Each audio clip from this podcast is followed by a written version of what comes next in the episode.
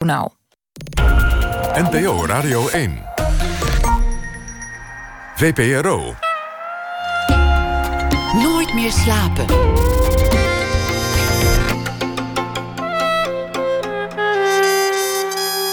Met Pieter van der Wielen.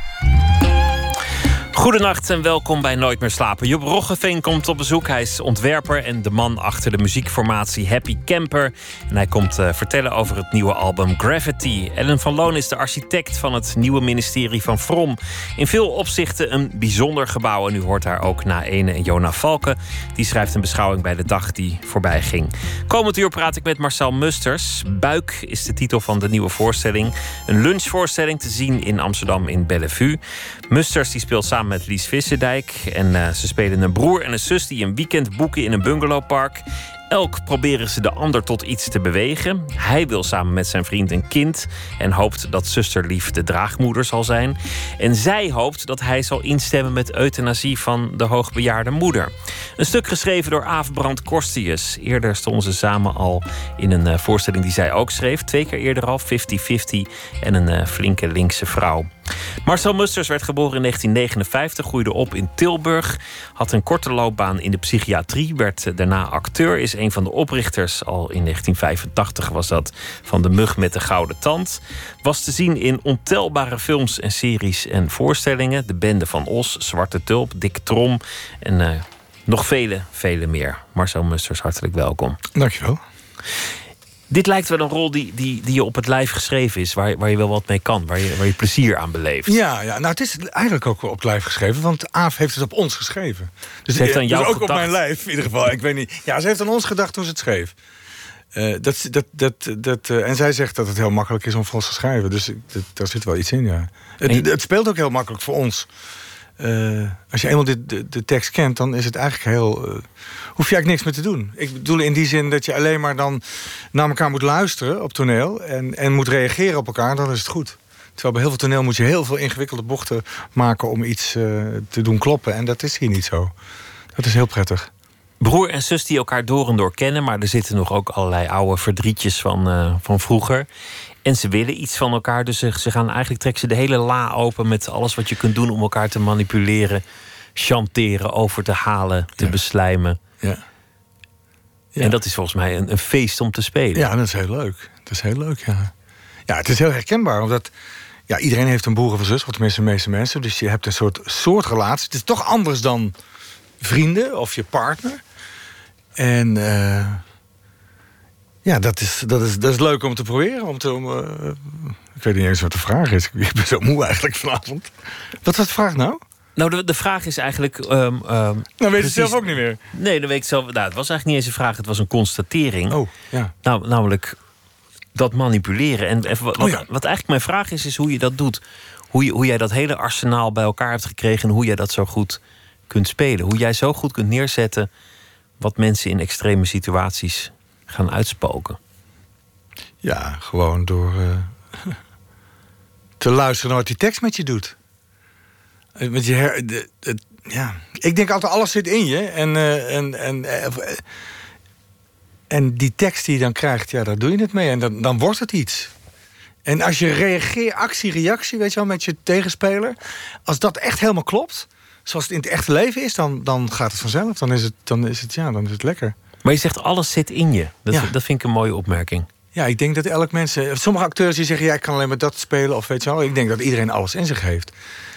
En, en dat, je, dat je daar alleen naartoe moet gaan in jezelf en dat, dat naar boven moet halen. En dan soms maak je iets heel groot, wat eigenlijk heel klein in jezelf is, of, of andersom.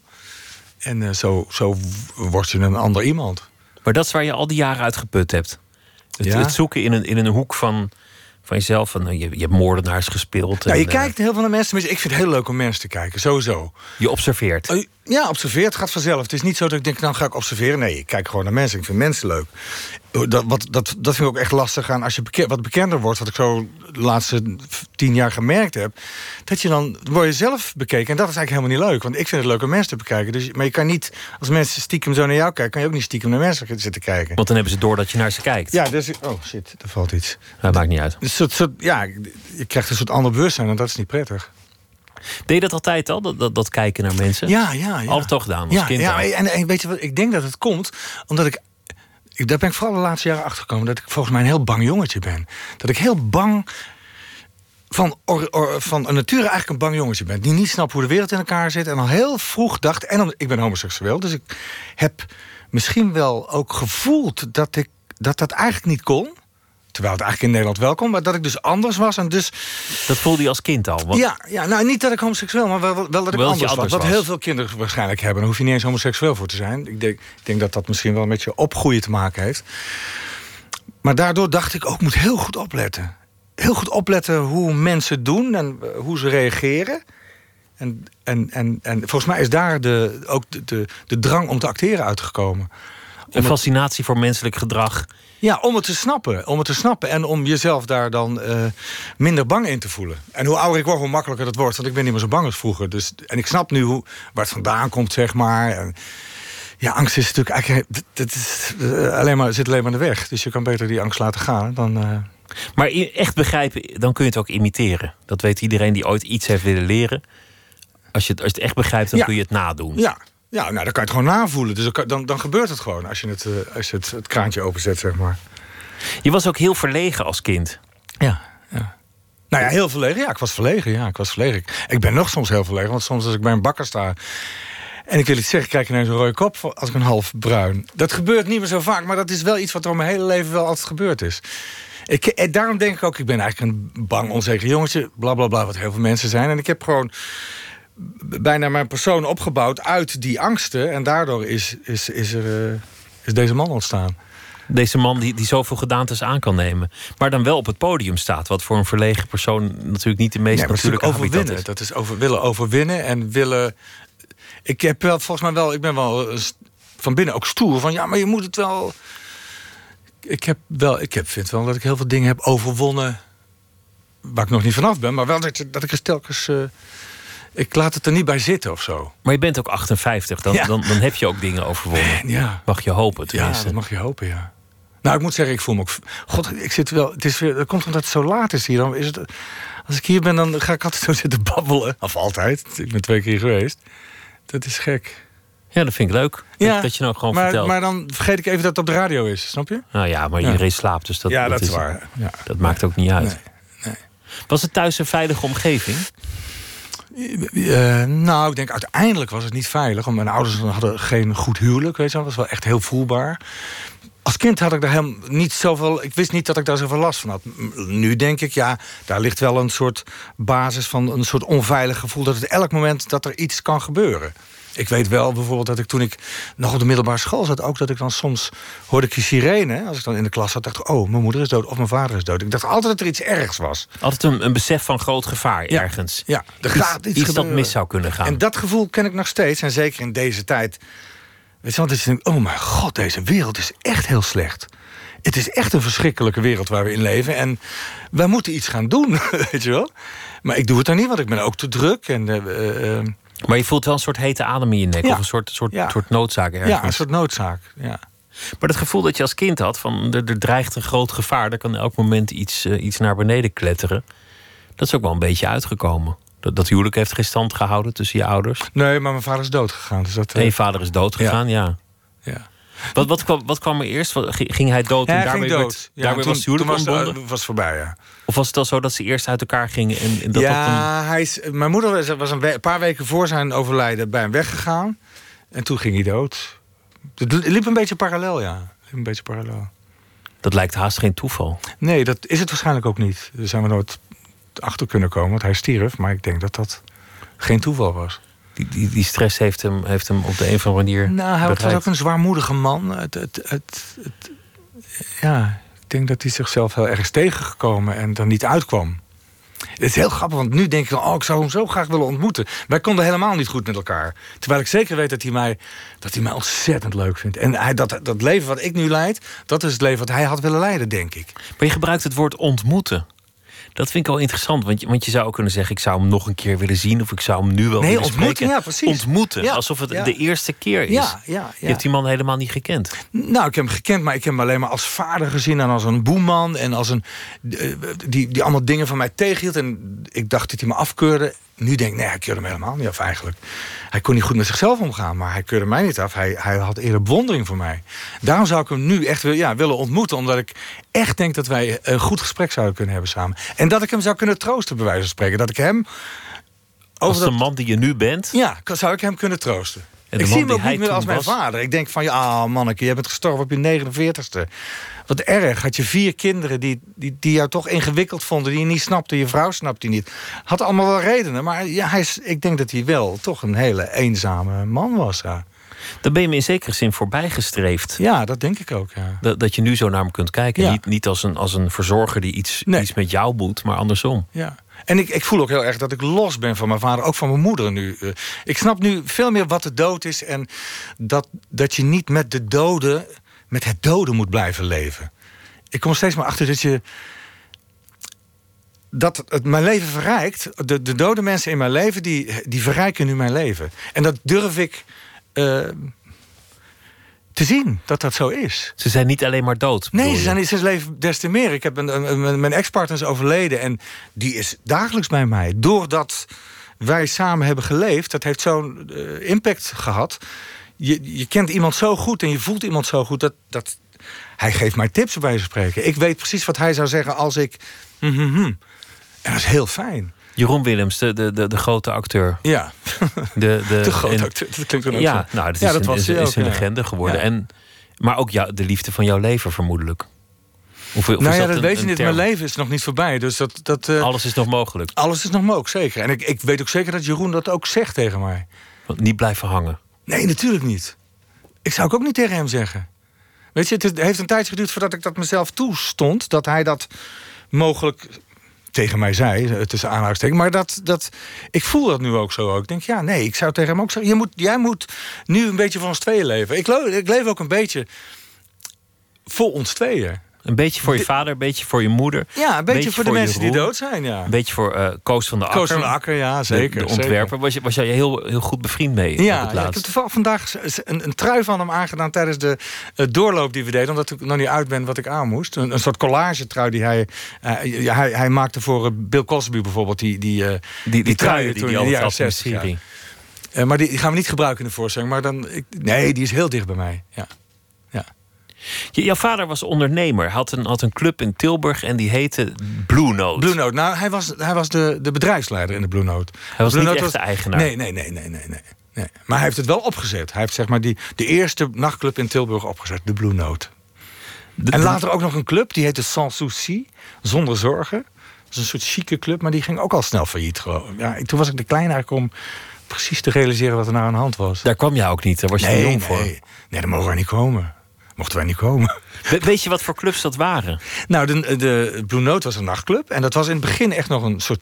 Daar wilden ze echt een soort chique nachtclub van maken. Later begreep ik dat dat echt zo'n beetje sleazy tent wordt. Maar ik weet dat mijn vader... die nam artiesten mee naar huis op zondagmiddag.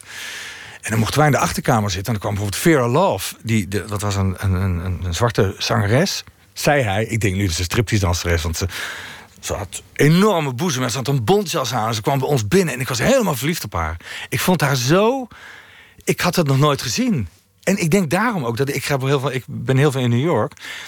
Ik, ik ben helemaal dol op donkere mensen. Ja, dat slaat nergens op. Maar ik, ik heb een soort aantrekkingskracht omdat, door die vrouw, door die Vera Love omdat dat een soort magie voor je had. ja, dat was zo van: oh, er is nog veel meer in het leven. Ik, ik woonde in Tilburg West in een, in een rijtjeshuis. En dan kwam dan die vrouw met zo'n taxi. Of een zigeunerorkest kwam ook wel eens, weet je wel. Dus ik zag allemaal mensen. Ik dacht: oh, er is nog veel meer in de wereld. En dat wilde ik allemaal ook wel. Uh, nog gaan zien, ondanks dat ik bangig was.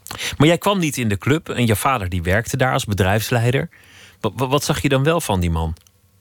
Weinig. Hij sliep overdag en, en, uh, en dan moest jij stil zijn. stil zijn. Ik had drie broers en ik ja, moest allemaal stil zijn. Dus er was altijd een soort spanning van dat papa niet wakker, wakker mocht eh, worden. En als hij dan wakker was om een uur of zes, zeven, ik denk dat hij om een uur of negen ging werken, dan moesten we ook wel stil zijn, want dan was hij zich aan het klaarmaken voor het werken en zo. Dus dat was heel onprettig eigenlijk. En de spanning dat er elk moment ruzie kon komen? Ja. Of? Ja, ook. Of was het meer zwijgen dan? Nee, nee, nee, het was wel heel veel ruzie ook, ja. Schreeuwen en zo. En achterna zitten en zo. Dat hebben we allemaal meegemaakt. En dan zat jij te observeren? Oh. Ja, ik heb het laatst verteld tegen een vriendin. En dat was dat is een beeld. Ja, ik weet niet eens of ik het moet zeggen. Ja, dat kan ik wel zeggen. dat mijn vader achter mijn moeder aanrende met een pan bijvoorbeeld. En dat wij als drie jongens, vier jongens, boven aan de trap zaten en riepen hup mam, hup mam. En dat was echt niet zo gek voor ons. Later dacht, eh, weet je, als je het beeld ziet, denk je, oh wat treurig. Met vier van die pan, jongetjes. Daar kan je nog hard mee slaan. Ja, ook. zeker. Maar wij, en wij riepen daar echt maar, hup mam, hup mam, hup mam. Ja, dat is toch een beetje gek.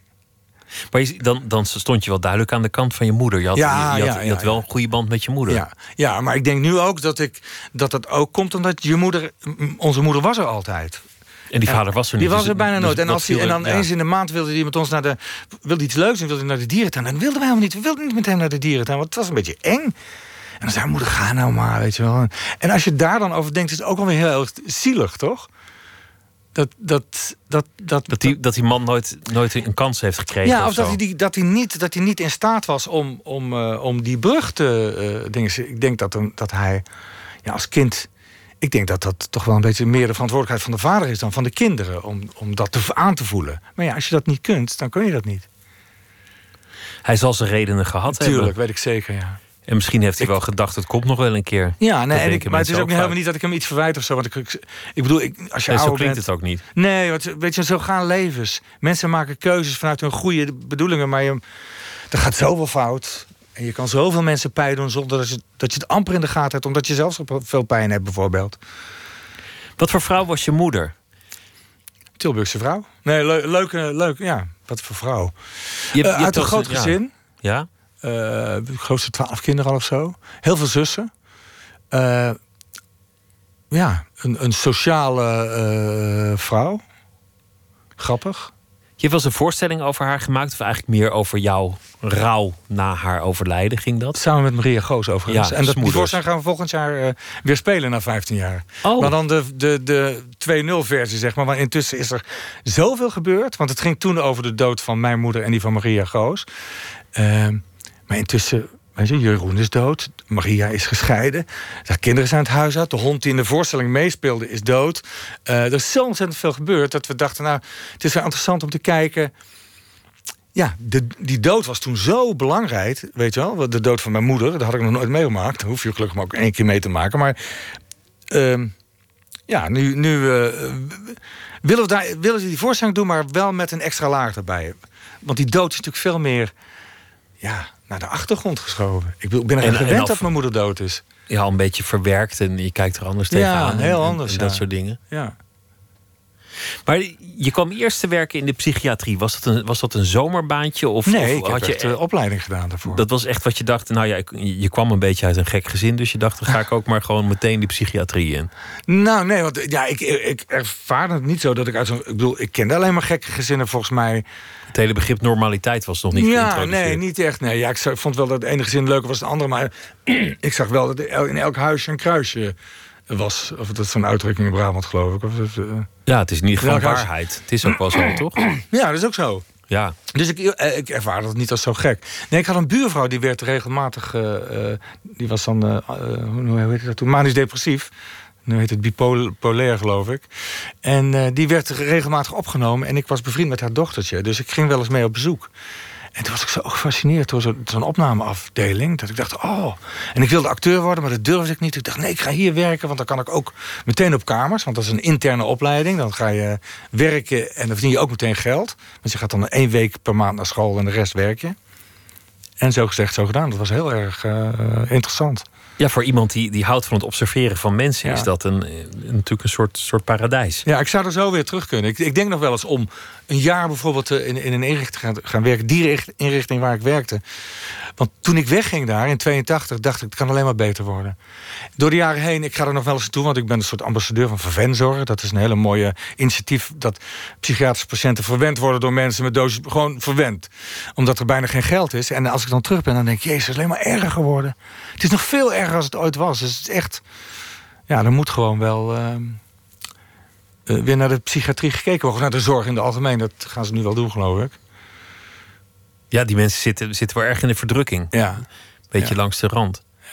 Je, je, bent, je bent ontzettend dol op New York. Je, je noemde het al eventjes. Ja. Sinds 1979 kom Ja. je daar. ja. Bijna 40 jaar, man. Wat, wat weet je van die eerste keer? Wat, wat gebeurde er toen?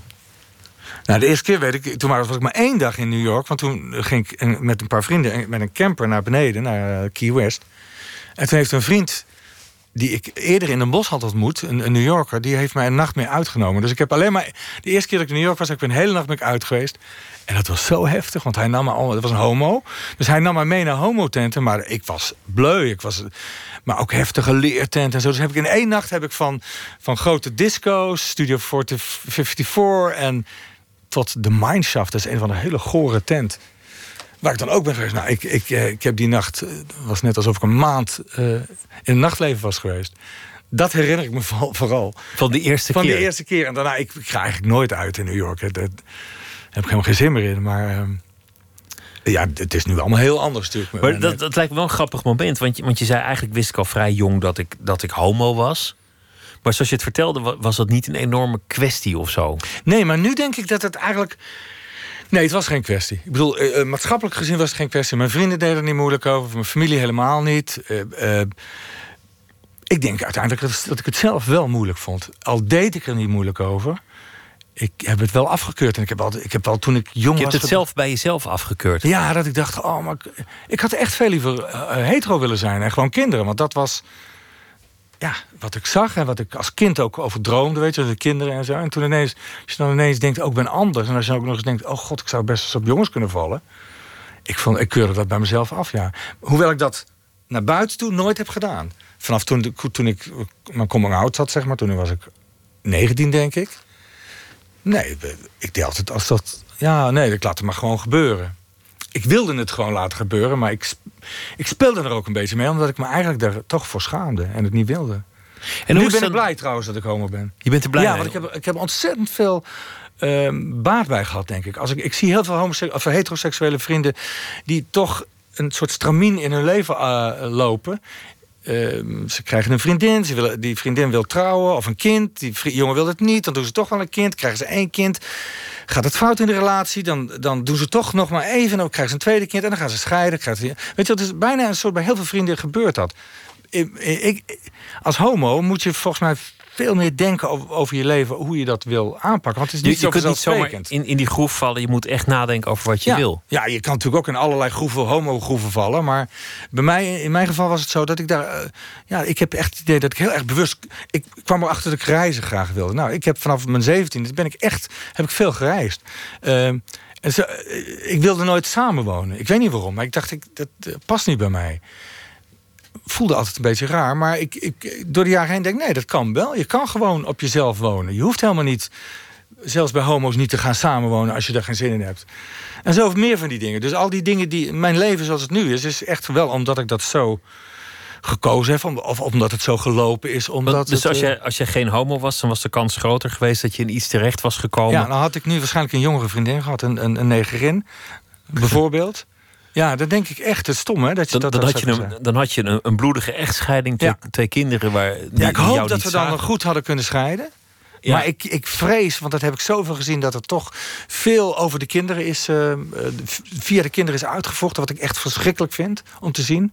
Zeker bij mensen die je goed kent en waar je denkt dat gaan wij, gaat onze generatie niet doen. En die doen het ook gewoon. En nog erger. En dan kreeg je nu een kind van die jongere vriendin. En dacht je, ga ik het nu allemaal goed doen? Dit keer ga ik, dit keer ga ik het allemaal, allemaal nou, ja, doen. Misschien gaat het dan ook goed, omdat je oud bent. Maar dan ben je weer te oud om dat, eh, dat leven van het kind mee te maken.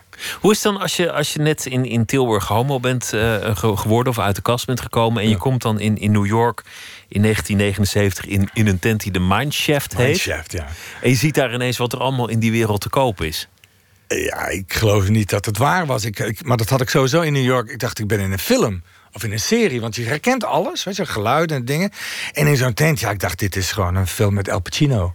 Die komt hier nou... Weet je, bij wijze van spreken... Ik kon daar niet echt, uh, daar kon ik niet echt goed, goed toe verhouden. Ik was, ik, ja, ik was 18. Dus ja... Het is ook echt, zit ook echt in mijn herinnering alsof het een soort film is. Alsof ik dat niet zelf heb meegemaakt. Maar ik, ja, ik was er wel bij of zo. Als je nu naar New York gaat, dan, je zegt ik ga er niet uit. Nee. Maar, maar je, je zorgt wel dat je ieder jaar daar een, een, flinke periode bent. Vier maanden per jaar ben ik er Vier, vier maanden? Ja. En het is niet werk? Nee, nee, zeker niet werk. Ik heb wel allerlei kansen gehad, maar ik, ik heb het nooit gewild. Ik dacht juist, nee, ik wil... Ik wilde vroeger in New York wonen als kind. Toen ging ik daar naartoe dacht ik, oh, dit is eng. En want ik wilde ook acteur worden. Ik dacht, nou, dat durf ik helemaal niet. Dus toen dacht ik, ga ik proberen in Nederland acteur te worden. En dan ga ik heel vaak naar New York. En eigenlijk is dat ook wat er gebeurd is. Dus echt verliefd op die stad? Ja. Ja, af, ja. Nu niet meer hoor. Dat is wel echt heel erg veranderd. Ik moet meteen denken aan die, aan die, uh, die openingsscène van de film Manhattan van Woody Allen. Goed, die heb ik al lang niet dat, gezien. Dat, dat in zwart-wit en dan zit Ja. hij te typen op die, op die, op die openingszin. Van, dan probeert hij zijn liefde aan New York te verklaren en dat, dat, dat lukt dan eigenlijk niet. He adored New York City, although to him it was a metaphor for the decay of contemporary culture. How hard it was to exist in a society desensitized by drugs, loud music, television, crime, garbage. Too angry. I don't want to be angry. Chapter 1. He was as tough and romantic as the city he loved. Behind his black rimmed glasses was the coiled sexual power of a jungle cat. Oh, I love this. New York was his town, and it always would be.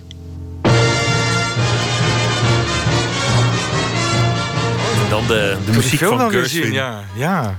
Ja, Nee, prachtige film wel, ook. Ja, ook zo'n hem ook. 1979 Ja. volgens mij. Ja. Heel mooi, dat zwart-wit herinner ik me ook nog, ja. Woody Allen haatte die film zo erg dat hij de studio opbelde en zei: Als jullie de film niet uitbrengen, dan maak ik gratis een nieuwe. Echt waar? Waarom had hij hem dan? Dat weet ik niet. Hij vond het gewoon zelf een ontzettende klote film. Oh, Terwijl iedereen vond het, vond het een, een klassieker en zo. oh wat grappig. Grappig. Ja. Als je nu in New York bent, wat, wat, wat doe je daar? Ja, dat is best. Nou, ik ben wel altijd bezig met voorbereiding van projecten hier in Nederland. Weet je wel, dan als ik weer een serie ga doen, dan moet je scripts lezen of leren. Met de mug moet je ver vooruit denken. Nieuwe producties. Ik ben er wel altijd dingen aan het ontwikkelen. Ik ben nu ook twee of drie projecten in New York aan het ontwikkelen. Maar en meestal, ik zwem elke dag. Dat is het enige. Ik fiets elke dag een beetje. En ik zie vrienden. En, en ik ga naar theater. Of, ja, ik volg eigenlijk met mijn neus. Ik maak zo weinig mogelijk afspraken. Ik sta op, ik ga zwemmen. En uit het zwembad dan zie ik wat er gebeurt. Dat vind ik ook het leukste. Maar dat is prachtig, want, want in New York heeft iedereen een missie, iedereen heeft haast. Ja, ik niet. En dan ben jij het soort contrapunt en jij kan gewoon kijken naar, Ja. naar die wereld die voor Nee, het is heel leuk, want ik denk, oh ja, doen jullie het maar. Ik hoef het niet te doen, doen jullie het maar. En dan, je voelt natuurlijk ook hoe belachelijk het is. En ik, maar ik moet ook zeggen dat door de jaren heen is wel mijn hele beeld van Amerika en New York heel erg veranderd. In het begin dacht ik, het is een film, maar langzaam zie je de werkelijkheid. En die werkelijkheid is helemaal niet zo leuk. Dat Amerika is niet leuk en New York is ook niet leuk. De, de mensen op Manhattan, driekwart van de mensen die, daar, die je daar rond ziet sjouwen de hele dag, dat zijn de, de, de, de, de babyoppassen en de nannies en de honden dingen van een paar rijke mensen daar op het eiland. En die moeten s'nachts nog met eh, twee uur met de metro Met de naar metro huis. om naar huis te komen. En dat is, dat is echt zo. Dat zie ik met de jaren ook echt. Dat het zo is in het begin. Ja, denk ik, oh, leuk. Al die nationaliteiten, al die. eh. Maar als je dan langzaam ziet wat dat eigenlijk is, dan is dat een hele vrede wereld. En, en eh, helemaal niet leuk eigenlijk. Kijk je daar ook veel naar, naar mensen? Ben je, ben je mensen aan het observeren? Ja, daar ben ik wel- Onbewust wellicht, Ja, ja, maar- heel veel, heel veel. Ja. Dat is bijna mijn dagding. Omdat ik dat leuk vind. Nou, als ik naar mensen kijk, kan ik... Ik vind het lekker om een beetje zo f- te freewheelen te denken, weet je wel. Over dingen. De, en dan is het leuk als je naar mensen kijkt, want dan krijg je allerlei... Ja, je, je, zoekt toch altijd naar herkenning of iets wat je niet snapt en zo. En, ja. Maar dat, dat zijn jouw bronnen. Dat is waar Ja. je uit kunt putten. Ja, ja. Als jij dat niet al die jaren had gedaan, dan was je Ja, als acteur al lang opgedroogd. ja, waarschijnlijk, ja. Ja, De zin in het, in het schijnbaar zinloze. ja, ja. Oh, mooi gezegd. oh, dat- Ja. oh, oh. Laat op de avond zo. We gaan luisteren naar eh, muziek van eh, Baxter Jury. Hij is de, de zoon van Ian Jury, die grote Oh, hits had ja, als ja. eh, Seks en Drugs en Rock'n'Roll. En het onvergetelijke Hit Me With Your Rhythm Stick. Ja, god. Zijn zoon klinkt ook een beetje norsig en dit nummer heet Prince of Tears.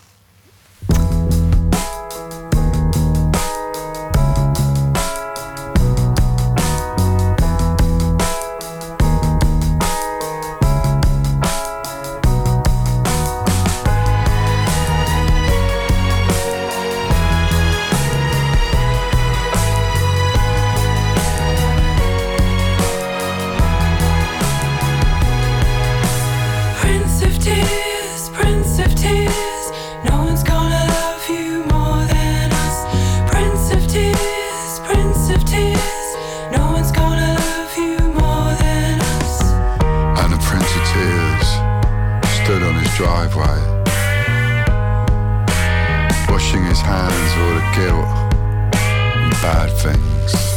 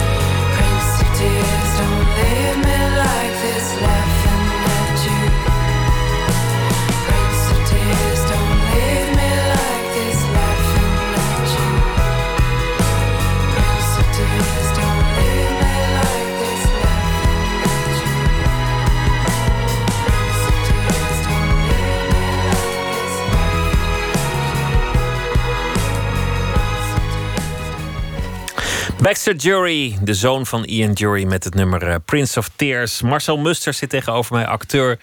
Een van de oprichters van de Mug met de Gouden Tand. En hij eh, zit hier vanwege de voorstelling eh, Buik, geschreven door Aafbrand Korstius.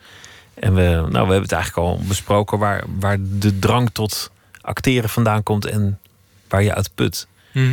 Een manier om het menselijk gedrag te begrijpen. Vind je het nog net zo leuk, het acteren? Het acteren wel, maar het gedoe eromheen helemaal niet meer. Het, het, het op reis zijn vind ik lastig. Wat, nou, het, het reizen zelf vind ik eigenlijk niet lastig. Maar ik, ik vind het s'avonds... heb ik gewoon geen zin meer. Ik, weet je, ik, al 35 jaar ben ik, doe ik onregelmatige diensten, zeg maar. Sinds de psychiatrie, daarna acteur. Je bent altijd weg s'avonds. En ik vind het eigenlijk zo lekker om thuis s'avonds te zijn. S'avonds thuis te zijn. Ochtends om zes uur op te staan. Nu, deze repetitieperiode, sta ik elke, elke ochtend om zes uur op. Tekst leren, weet je wel. Lekker een soort ritme. En dan lekker vroeg naar bed. Da, dat, dat, eh, eh, ja, ik, ik- Dat gaat je opbreken. Het is gewoon ja, niet is maar aan het opbreken en ik ben het ook aan het veranderen. Want ik wil ook gewoon minder eh, van dat soort dingen doen. Of van die eindeloze series die, alsmaar, die, die maar doorgaan. En dat, op een gegeven moment draait alles om je werk en daar heb ik gewoon geen zin meer in. En een, filmdag is, is helemaal een ramp. Want dan begin je ook lekker om Ja. zes uur 's ochtends, maar dan ben je alsnog om drie uur s'nachts klaar. Nou, dat niet. Zes uur 's ochtends, drie. Je mag geloof ik, ik geloof 12 uur. 14 uur is geloof ik eh, dat je mag werken als acteur, officieel. Dan mag, dan mag, als mag je gaan klagen. Vaak duurt het wel langer, maar... Nou, het zijn flinke Het dagen. zijn hele, hele flinke dagen, ja. Ja, ja dat, dat, eh, ik heb er ook niet, dat vind ik ook allemaal niet meer zo leuk.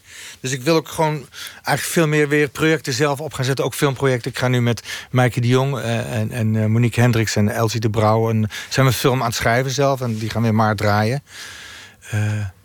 Want ik, ik merk wel dat ik ook gewoon, als je heel veel series en films doet. Het is tegenwoordig zo vaak dat alles opgelost moet worden. In plaats van dat je iets moois aan het maken bent, moet er ineens een serie gemaakt worden. Want er is een tijdslot. En dan hebben de schrijvers net niet genoeg tijd om dat tot, tot een mooi ding te maken. En dan ben je als acteur samen met de regisseur dat zo goed mogelijk aan doen. Maar eigenlijk weet je al, ja, maar het had veel beter gekund. Maar omdat er dus geen tijd en geld dus is om. En dat begint me op te breken. Dat ik denk, ja, maar wij werken ons allemaal zo uit de naad. Het is fucking hard werken.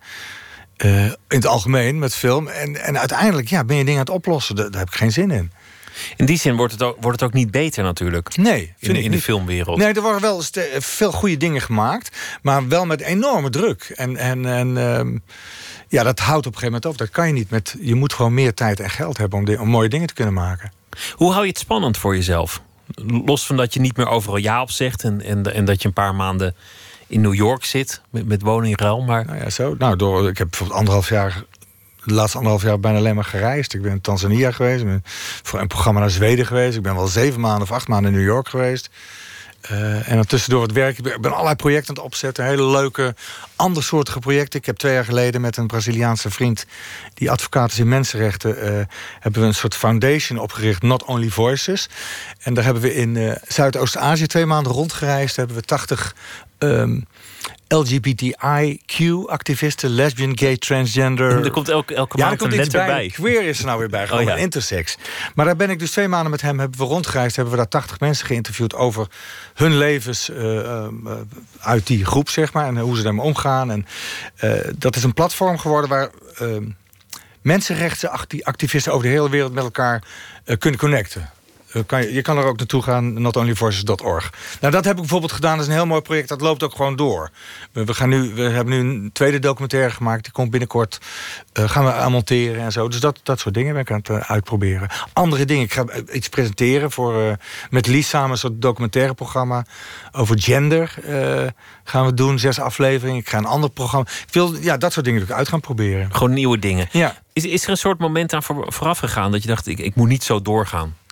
Ja, want want je, zou, je zou makkelijk in dat stramien kunnen. Ja, kunnen nee, dat is het ook. Nou ja, door de dood, weet je wel, door de, bijvoorbeeld de dood van Jeroen, eh, komt het heel dichtbij. Denk, ja, nee, dat kan er voor mij ook zo over zijn. En, en, eh, En dan was dit het. ja, dan was dit het. En, dat, en ik, ik weet, ja, daarom zeg ik ook, eh, ik leef ook een beetje voor Jeroen in die zin. Dat, dat kenden we wel, hard werken.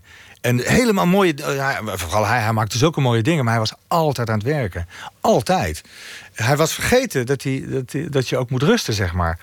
Nou, eh, eh, toen hij doodging, dacht ik, ja, nee, maar dit, ja, dit kan dus ook met mij gebeuren. En, maar er zijn nog zoveel dingen die ik zou willen doen. En vooral ook gewoon hele andere dingen in het leven, weet je wel. Ik kwam er gewoon... En ook bijvoorbeeld de liefde. Ik vind de liefde ook heel belangrijk. Het is belangrijk om daar tijd voor te maken. En om vrienden vaker te zien. Want weet je, als acteur, dan kun je vrienden vaak niet zien... omdat je altijd aan het werk bent. Nou, dat wil ik gewoon niet meer. Ik wil wel op de verjaardag van mijn broer kunnen zijn. eh, voor de eerste 25 jaar. Dat soort dingen wil ik nu. Voel, ik- voelt ook vast veel belangrijker. De kinderen van een vriendin, weet je wel, die, dat ze bij mij kunnen logeren het weekend. Nou, dat is superleuk. En dat, dat, dat geeft me veel en dat is, vind ik ook heel belangrijk. En dan, dan maar financieel een, een Ja. stap terug. Ja, want ik heb wel echt, ik ben nu hartstikke arm. Je, bent, je, bent, je bent arm als een kerkrat volgens mij. Nou, nu, dat niet. Ik kan al, nou, ik kon v- volgende maand huur niet betalen. Dat heb ik nu geregeld. Ik heb weer iets gedaan. Maar ik had genoeg geld. Maar dat maakt, het is heel interessant om, om weinig geld te hebben. Want ik kan alles doen. Weet je wel, net zo. Maar ik let voor het eerst op wat geld nou eigenlijk is. Weet je wel, de prijs van. Als ik pultjes kocht bij de Albert Heijn, dan ging ik niet op de prijs letten.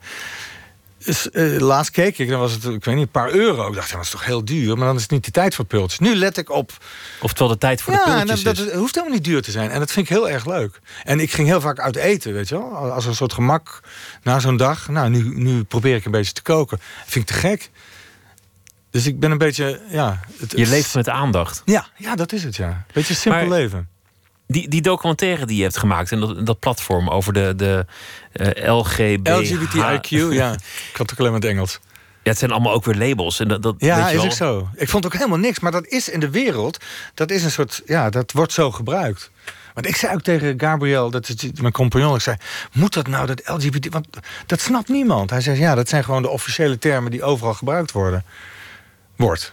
Ja, Ja, ik ga, er, ik ga er dan in mee, maar ik denk uiteindelijk, ja, dan, dan, ben ja ik vind het ook. Ja. dan is er altijd wel iemand die buiten de labels eh, Ja. valt. Maar, maar, maar gaat het thema jou aan het hart? Een mensenrecht gaat heel, heel erg. aan het hart. Mensenrechten, In, de- maar, in de brede zin van het woord. En eh, zeker ook eh gayrechten natuurlijk. Zeker nu, als je ziet wat er in de wereld gebeurt. Dat Mike Pence heeft gezegd dat hij alle homoseksuelen wel eh, eh, eh, weg zou willen hebben. Mike Pence is de vice, vice, premier vice- van- Amerika. ja. Weet je wel?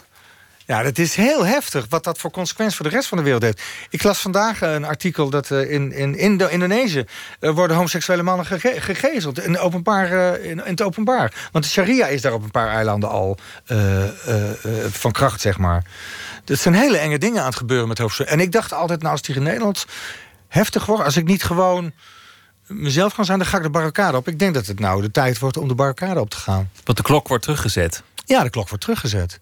En dat moet absoluut niet gebeuren. Dat is voor niemand goed.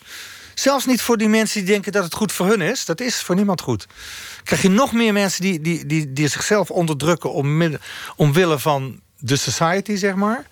En dat, dat werkt gewoon niet. Je moet met elkaar eh, leven. met elkaar.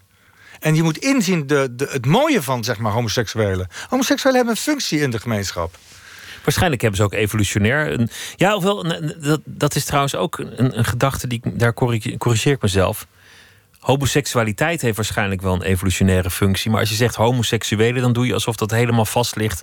wie er precies de homo en de hetero is. Ja, ja. Eigenlijk geloof Ja. ik daar ook helemaal Nee, ik ook van. niet hoor. Ik ook niet. Ik weet ook ik- dat ik op een gegeven moment heb besloten dat ik me homoseksueel noemde, omdat het duidelijker was. Ik dacht, ja, ik weet Je moet, je moet iets zijn, Ja, dan, je moet dan iets ben ik zijn dat en dan maar. is het gewoon makkelijker. Maar dan zijn mensen, oh, die is homo. Ja, nou oké. Dan ben ik dat voortaan Dan, maar. dan, dan is hij dat, ja. ja. Ja, er zijn, er zijn ook stammen geweest in de geschiedenis... waar dat he- het onderscheid helemaal niet bestond, Ja, bijvoorbeeld. Ja. Nou, ik zou hopen dat we daar naartoe gaan. Je hebt ook stammen waar, waar alle vrouwen gaan jagen en de mannen thuis zitten om op Ja. de kinderen te Alles bestaat, joh. Ja, Alles. Zeker, zeker. Nou, voor mij mogen de vrouwen het overnemen trouwens, hoor, voorlopig. In de wereld. Ja. Ik denk dat het tijd wordt dat de vrouwen het gaan doen. Of niet gaan doen, dat de vrouwen de leiding eh, krijgen en nemen. En, en dat wij eh, een beetje naar hun gaan luisteren, zeg maar. Of, en naar het vrouwelijke in ons. Ik denk dat dat heel belangrijk nu is. Ja, of een soort, soort equilibrium tussen, tweede, tussen de Ik twee weet niet meer seksen. wat het is. Ja, een evenwicht. Een, oh een ja, soort ja, ja zeker. woord. Daar gaat het om balans natuurlijk. Het gaat sowieso over balans, maar... Ben je, ben je eigenlijk goed geweest in, in relaties? Want, je- want je zei liefde is belangrijk, vriendschap is belangrijk. Ben, ben jij een heel trouw iemand? Ja, ik ben wel een trouw iemand, ja. Eh, eh, Niet per se trouw, zeg maar, met, met monogamie... maar wel heel trouw in, eh, in relaties, ja. En dan heb ik niet alleen over relaties, relatie, relatie, relatie... maar ook in vriendschapsrelaties. Ja, ik ben wel heel trouw. Vrienden bij jou blijven vrienden. Die, ja, die, ik die, heb die vrienden van zien. toen ik, nou ja, van toen ik twee was. Mijn oudste vriendin, die ken ik van toen we twee waren. En ik, de, de straat waar ik eh, vandaan kom in Tilburg, Tilburg-West... wij zien elkaar nog... De Indonesische familie naast ons woonde. Die hadden ook vier kinderen, die hebben nu allemaal kleinkinderen. Wij spreken nog steeds één of twee keer per jaar af. En dan gaan ze bij ons, bij mijn broer, Indonesisch koken. En dan zitten we met al mijn broers in de aanhang en eh, hun. En dat is, ja, dat is ontzettend leuk. En zo, ik ken de hele straat nog van mij. Al mijn, mijn oude buurvriendjes en vriendinnetjes, die ken ik nog. Heb ik nog contact mee. En in relaties eh, met, met, een, met een, een vriendje, zeg maar, in de Ja. liefde. Ben je daar goed in? Nou, volgens mij ben ik er niet slecht in. Maar ja, wat is goed in een relatie, hè? Dan hou ze stand, dan wordt het een Ja, nou, ik heb wel verschil. Ik heb wel relaties gehad van zes jaar, veertien jaar. Ja, nee, ze houden wel oh, dat stand. zijn wel lange relaties. Ja, ik heb een paar relaties van anderhalf jaar gehad, drie of zo. Ja, ik weet niet of ik goed in relatie ben. Maar je, je hebt het zelf moeten uitvinden, want thuis Ja. had je geen voorbeeld. Nee. Nee. Niemand heeft het ooit voorgedaan. Daarom heb ik het idee dat ik nu het, het allemaal veel beter snap. Nu pas, eigenlijk. Dat ik denk, oh, maar dat is eigenlijk liefde. Kijk, als je, als je jong bent en je ziet je ouders nooit echt een zoen geven... alleen met oud en nieuw... en dan, dat je dan denkt, uh, ze geven een kus... dat is toch een beetje raar. Dat het eigenlijk goor is dat ze dat doen. En ik weet, als, ze dan, als mijn ouders ruzie hadden... kon mijn vader wel eens iets zo gooien. Nou, dus toen ik de eerste relatie kreeg... eh, en ik boos werd, dan gooide ik ook. Ik, werd wel eens een kast omgeduwd. Ik dacht gewoon dat dat erbij hoorde. Dat is als je ruzie maakt, weet je wel. Nou, dat is allemaal langzaam. Dat nee, dat is helemaal niet waar. Dat is, dat is niet liefde. En dan, dan, kom je bij, eh, dan zie je weer een hele jaloerse relatie. Dan denk je, oh, dat is liefde. Dus toen werd ik ook heel jaloers op, op mijn partners, weet je wel. Toen op een gegeven moment dacht ik, nee, dat is het helemaal niet. Ik moet helemaal teruggaan naar wat ik, wat ik onder liefde versta. En daar ben ik wel uit. Ja, daar ben ik wel uit. Maar dat heb je helemaal, helemaal zelf van, Ja, van, dat- van de nou ja. bodem af moeten, moeten onderzoeken. Met de hulp van little friends. En internet. Ik kijk veel. Ik vind het heel leuk om bijvoorbeeld TED Talks. En, en soms eh Muji, dat is een of andere spirituele man. Dat vind ik heel erg leuk om naar te luisteren. Omdat dat geeft me zoveel nieuwe... eh, dat ik denk, oh shit, ik kan er ook zo naar kijken, ja. Weet je, je kan je heel erg in je leven... eh, eh, eh, vastzetten. Maar je kan ook proberen met een afstand een beetje naar te kijken. En, en, en eh, dan wordt het allemaal veel lichter. Dat je ook maar mensen met die dingen, al die dingen meemaken. Ach ja, het, weet je wel? Ja, of lul ik nou? Ja, het is wel laat, hè? Of- Nee, oh. ja, het is nog steeds laat, maar Ja. je, lult helemaal niet. Ja. Maar je dan heb, Ja. ben je 58 geworden om, om eigenlijk een, een heleboel dingen van je af te schudden. Je, Ja. je verlegenheid Ja.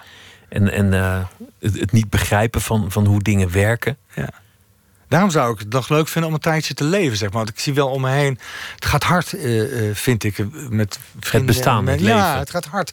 Dat sowieso, maar ook hard met mensen die ziek zijn, die doodgaan. Dus ik weet ook dat het mij ook elk moment kan overkomen. En denk, oh, maar ik wil nog even. Dan denk ik, nee, dan moet ik vandaag gewoon zorgen dat ik het weer leuk heb. En dat gaat steeds beter. In plaats van op de, weet je wel, je laten leiden door het, het enge idee dat je dan dood kunt. Dat, je ook. Misschien is, misschien is dat niet eng als je er niet bij bent. Ben je dood? Ja, als je gewoon, gewoon omflikkert en, en, en dat het dan gewoon... Lijkt dat lijkt me het fijnste. Dat was Nee, het ik zou willen gaan slapen zo. Nou, niet Ja? nu. Maar willen slapen en dan... Want volgens mij is dat de dood. Dat je dus niet weet dat je... En dan maakt het ook niet uit. nee, maakt helemaal niks uit. nee, maar ik ben helemaal niet... Daar, voor die dood ben ik niet bang. maar je wil gewoon nog heel veel in, in dit Ja, in ik vind het leuk om te, nou, omdat ik nu een beetje door begin te krijgen en meer rust, echt innerlijke rust krijg eh, over wie ik ben en wat de wereld is. Dat ik het een beetje snap dat ik zelf mijn eigen wereld kan creëren, bij wijze van spreken. In de keuzes die ik maak in mijn leven, creëer je eigen leven. Nou, dat, dat begin ik nu door te krijgen en ik voel me gewoon lekker. Ik voel me goed en ik, eh, ik, hou, ik, hou, ik kan ontzettend houden nu van mensen. Veel meer dan ik ooit heb gedaan. Ik, ik ben zo dankbaar voor alle vrienden die ik heb. En, en eh, ik heb zoveel leuke mensen om me heen. Nou, dat heb ik me nooit zo gerealiseerd. Ik voel het nu. En daar wil ik, ja, daar wil ik nog wel even van genieten, weet je wel. Maar je, je bent er nooit toe overgegaan, voor zover ik weet, om, om jezelf te verdoven met, met eh. Drank of drugs. Nou, of, ik heb eh, wel, in- toen ik jong was, weet je, ook toen ik mijn eerste relatie had, dan woonde ik net op kamers, toen gingen we wel drinken. Maar dat zag ik thuis. Mijn vader hield van drinken. Maar op een gegeven moment, ik dacht, ik hou helemaal niet van drinken. Ik kom ook echt uit zo'n familie waar veel gedronken wordt. En ah, ik heb altijd een natuurlijke aversie gehad tegen dronken mensen. Die kende je nou wel. Ja, die, die ken ik wel. Dus daar, dat, dat hoefde ik niet eh, te gaan doen. Er ik zat misschien ook zin- wel gevaar in, in dronken mensen. Dronken Ja, gevaar is en- vaak en- een opmaat of een, een katalysator voor ruzie. En... Ja, omdat ge- eh, dronken mensen vaak denken dat ze heel gevoelig zijn en, en gelijk hebben. En dat, heb, dat, dat is gewoon niet waar. Als je dronken bent, dan ben je anders dan dat je nuchter bent. En je zegt ook dingen die je misschien niet wil zeggen, omdat je ze ook niet vindt. Maar nou ja, eh, het is, eh, ik vind helemaal niks drinken. En verdovende middelen, ik moet zeggen, af en toe rook ik nu een, een jointje. Dat heb ik sinds mijn vijftigste ontdekt, want dat durfde ik ook nooit. Daar was ik ook te bang voor. En dat vind ik een heel, veel fijner effect dan, dan alcohol. Want daar word je gewoon rustig Ja, van. dan ben je gewoon thuis, ben je rustig en dan kan je heel lekker lezen. Of, weet je wel, omdat alles is zo druk. eh, ja, een jointje is dan beter. Maar ik, ik, ik geloof niet dat ik andere dingen moet doen, omdat ik wel. Ik heb dat. Ik bedoel, ik was heel dik, heel lang. Eh, ik heb wel een soort verslavingsgevoelige dingen. Als je, als je iets lekkers vindt, dan Ja, kun je dan moeilijk beheersen. Dus ik heb, daarom ben ik nooit aan drugs begonnen. Of echte drugs dan, weet je wel. Ik, ik ben heel benieuwd. Ik zou dolgraag LSD wel eens willen proberen, maar ik doe het niet. Omdat ik denk, nee, dat kan ik best eens te lekker vinden. En dat, dan, dan, dan weet ik niet of ik mezelf eh, de goede kant op eh, beweeg. Hoe is dat er eigenlijk weer afgegaan? Toen, je was op een zeker ogenblik Heel vrij dik? veel, ja, vrij vet. Vet, ja. en, dat, maar, maar, en op een gegeven moment ook, nou, ook ik heb weer nu niet. ook wel weer een buik, hoor. Maar, Nou, nee, nu ben je gewoon, gewoon stevig. Ja, dat vind ik iets goed. anders. Oké. Maar, maar hoe, hoe is dat gegaan? Dat dat... Nou, gewoon minder eten. Ja, nee, het, het is gewoon een proces in je hoofd. Ik, ik wilde eigenlijk niet... eh, nou, het is wel heel grappig, want uh, Hanneke Groenteman... die hier wel eens zit overigens, Ja. hoorde ik. Ja, Ehm, dat is een vriendin van me, daar heb ik wel eens een voorstelling mee gemaakt. En die heeft zo'n operatie gehad ooit. En die zei tegen me, om, om eh, af te slanken, weet je wel. ja zo- zo'n zo'n eh, zo'n buik eh, ja, en die zei tegen me, je moet het ook doen, dat gaat toch niet lukken. En toen waren we samen op tournee en ik dacht, ja, ik, ik vind het toch niks om nou te laten opereren. Want ik vind het zo slap dat ik dat... Ik heb het er ook zelf aan laten komen. Maar goed, ik was bijna overtuigd dat ik het moest gaan doen. Toen dacht ik, ik ga het nog één keer proberen, maar dan ga ik geen dieet doen. Dan ga ik gewoon minder eten en wat meer sporten en niet zo eh obsessed zijn. En dat is gelukt, tot mijn grote verbazing. Toen ben ik bijna, nou, bijna 40 kilo afgevallen. En, en dat is, was helemaal niet zo moeilijk, omdat de druk ervan af was dat ik niet op dieet wilde, niet snel wilde afvallen. Ik wilde gewoon een soort van gezond leven. En dat, eh, ja, dat lukte. En dat heb ik nog steeds eigenlijk heel goed vastgehouden. Dat verbaast mezelf. Kun, kun je dat verklaren waar, waar- waarom, die, waarom dat erin zat? Altijd die drang om, om suiker tot je te nemen, of een, of een koekje, of een reepje, of een. eh, Nou, helemaal verklaren kan niet, maar ik weet wel dat ik kauwen, dat is iets heel lekkers. Dat geeft bij mij een soort rust. Daar word ik rustig van. En dan, want vaak eh, ja, proefde ik mijn eten niet. Of smaakte, hoe je zegt, proeven. Hè? Proef ik hem, eh, kom, had ik niet eens gevoel wat, wat, wat ik nou precies aan het eten was. Maar dat was gewoon het knauwen zelf. gewoon de Zoals- beweging. Eh, Ja, de beweging is lekker, want dat hield je bezig of zo. En als je vol ziet, zit, dan word je ook een beetje dizzy. Dan, dan, dan ben je er ook. Dus het, ik denk dat het een soort verdovend middel was voor me. En dat ik ook, want ik merk dat ik, toen ik afviel, ik denk, oh shit, je wordt wel heel kwetsbaar als je afvalt. Nu ben ik eraan gewend en is het eigenlijk heel lekker, maar je, je hebt ook een, letterlijk een panzer om je heen. een, een wand tussen jou en, en, de- en die wereld, Ja. die, die dan toch eng is. Ja. Ja, Dat vind ik wel mooi gezegd. ja. Een soort Michelin-mannetje. zo voelde ik me ook soms. Een Michelin-mannetje, ja. Maar je voelt je nu fitter, denk ik. Ja, ik voel me veel vetter. En veel eh, ja, lekkerder gewoon in, in, in mijn lijf. Terwijl ik wel voel dat ik ouder word. Maar dat is, dat, dat, eh, is iets anders, zeg maar. De, de mug, dat hebben jullie ooit opgericht zonder, zonder dat jullie konden vermoeden, mogelijk, hoe lang dat zou blijven bestaan. Ja, nee. Hoewel ik gek genoeg altijd gedacht heb, dit gaat heel lang duren. Omdat op het moment dat Joanne en ik... We begonnen ooit met twaalf mensen... en uiteindelijk bleven we met vijf mensen over na, na vijf jaar.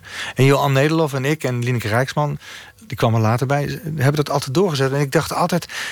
Ja, maar dit kan wel echt een levensding worden. Dat van ons hele leven. Omdat de mug was ook. We maakten toneel, soms een serie, soms een tv-film. Ik dacht, ja, maar dat is, dat is ideaal. Als je met, met mensen waar je goed mee kan werken. Als je een mooi idee hebt dat je daar een vorm bij vindt, ja, dat, dat, dat is fijner dan, dan dat te doen.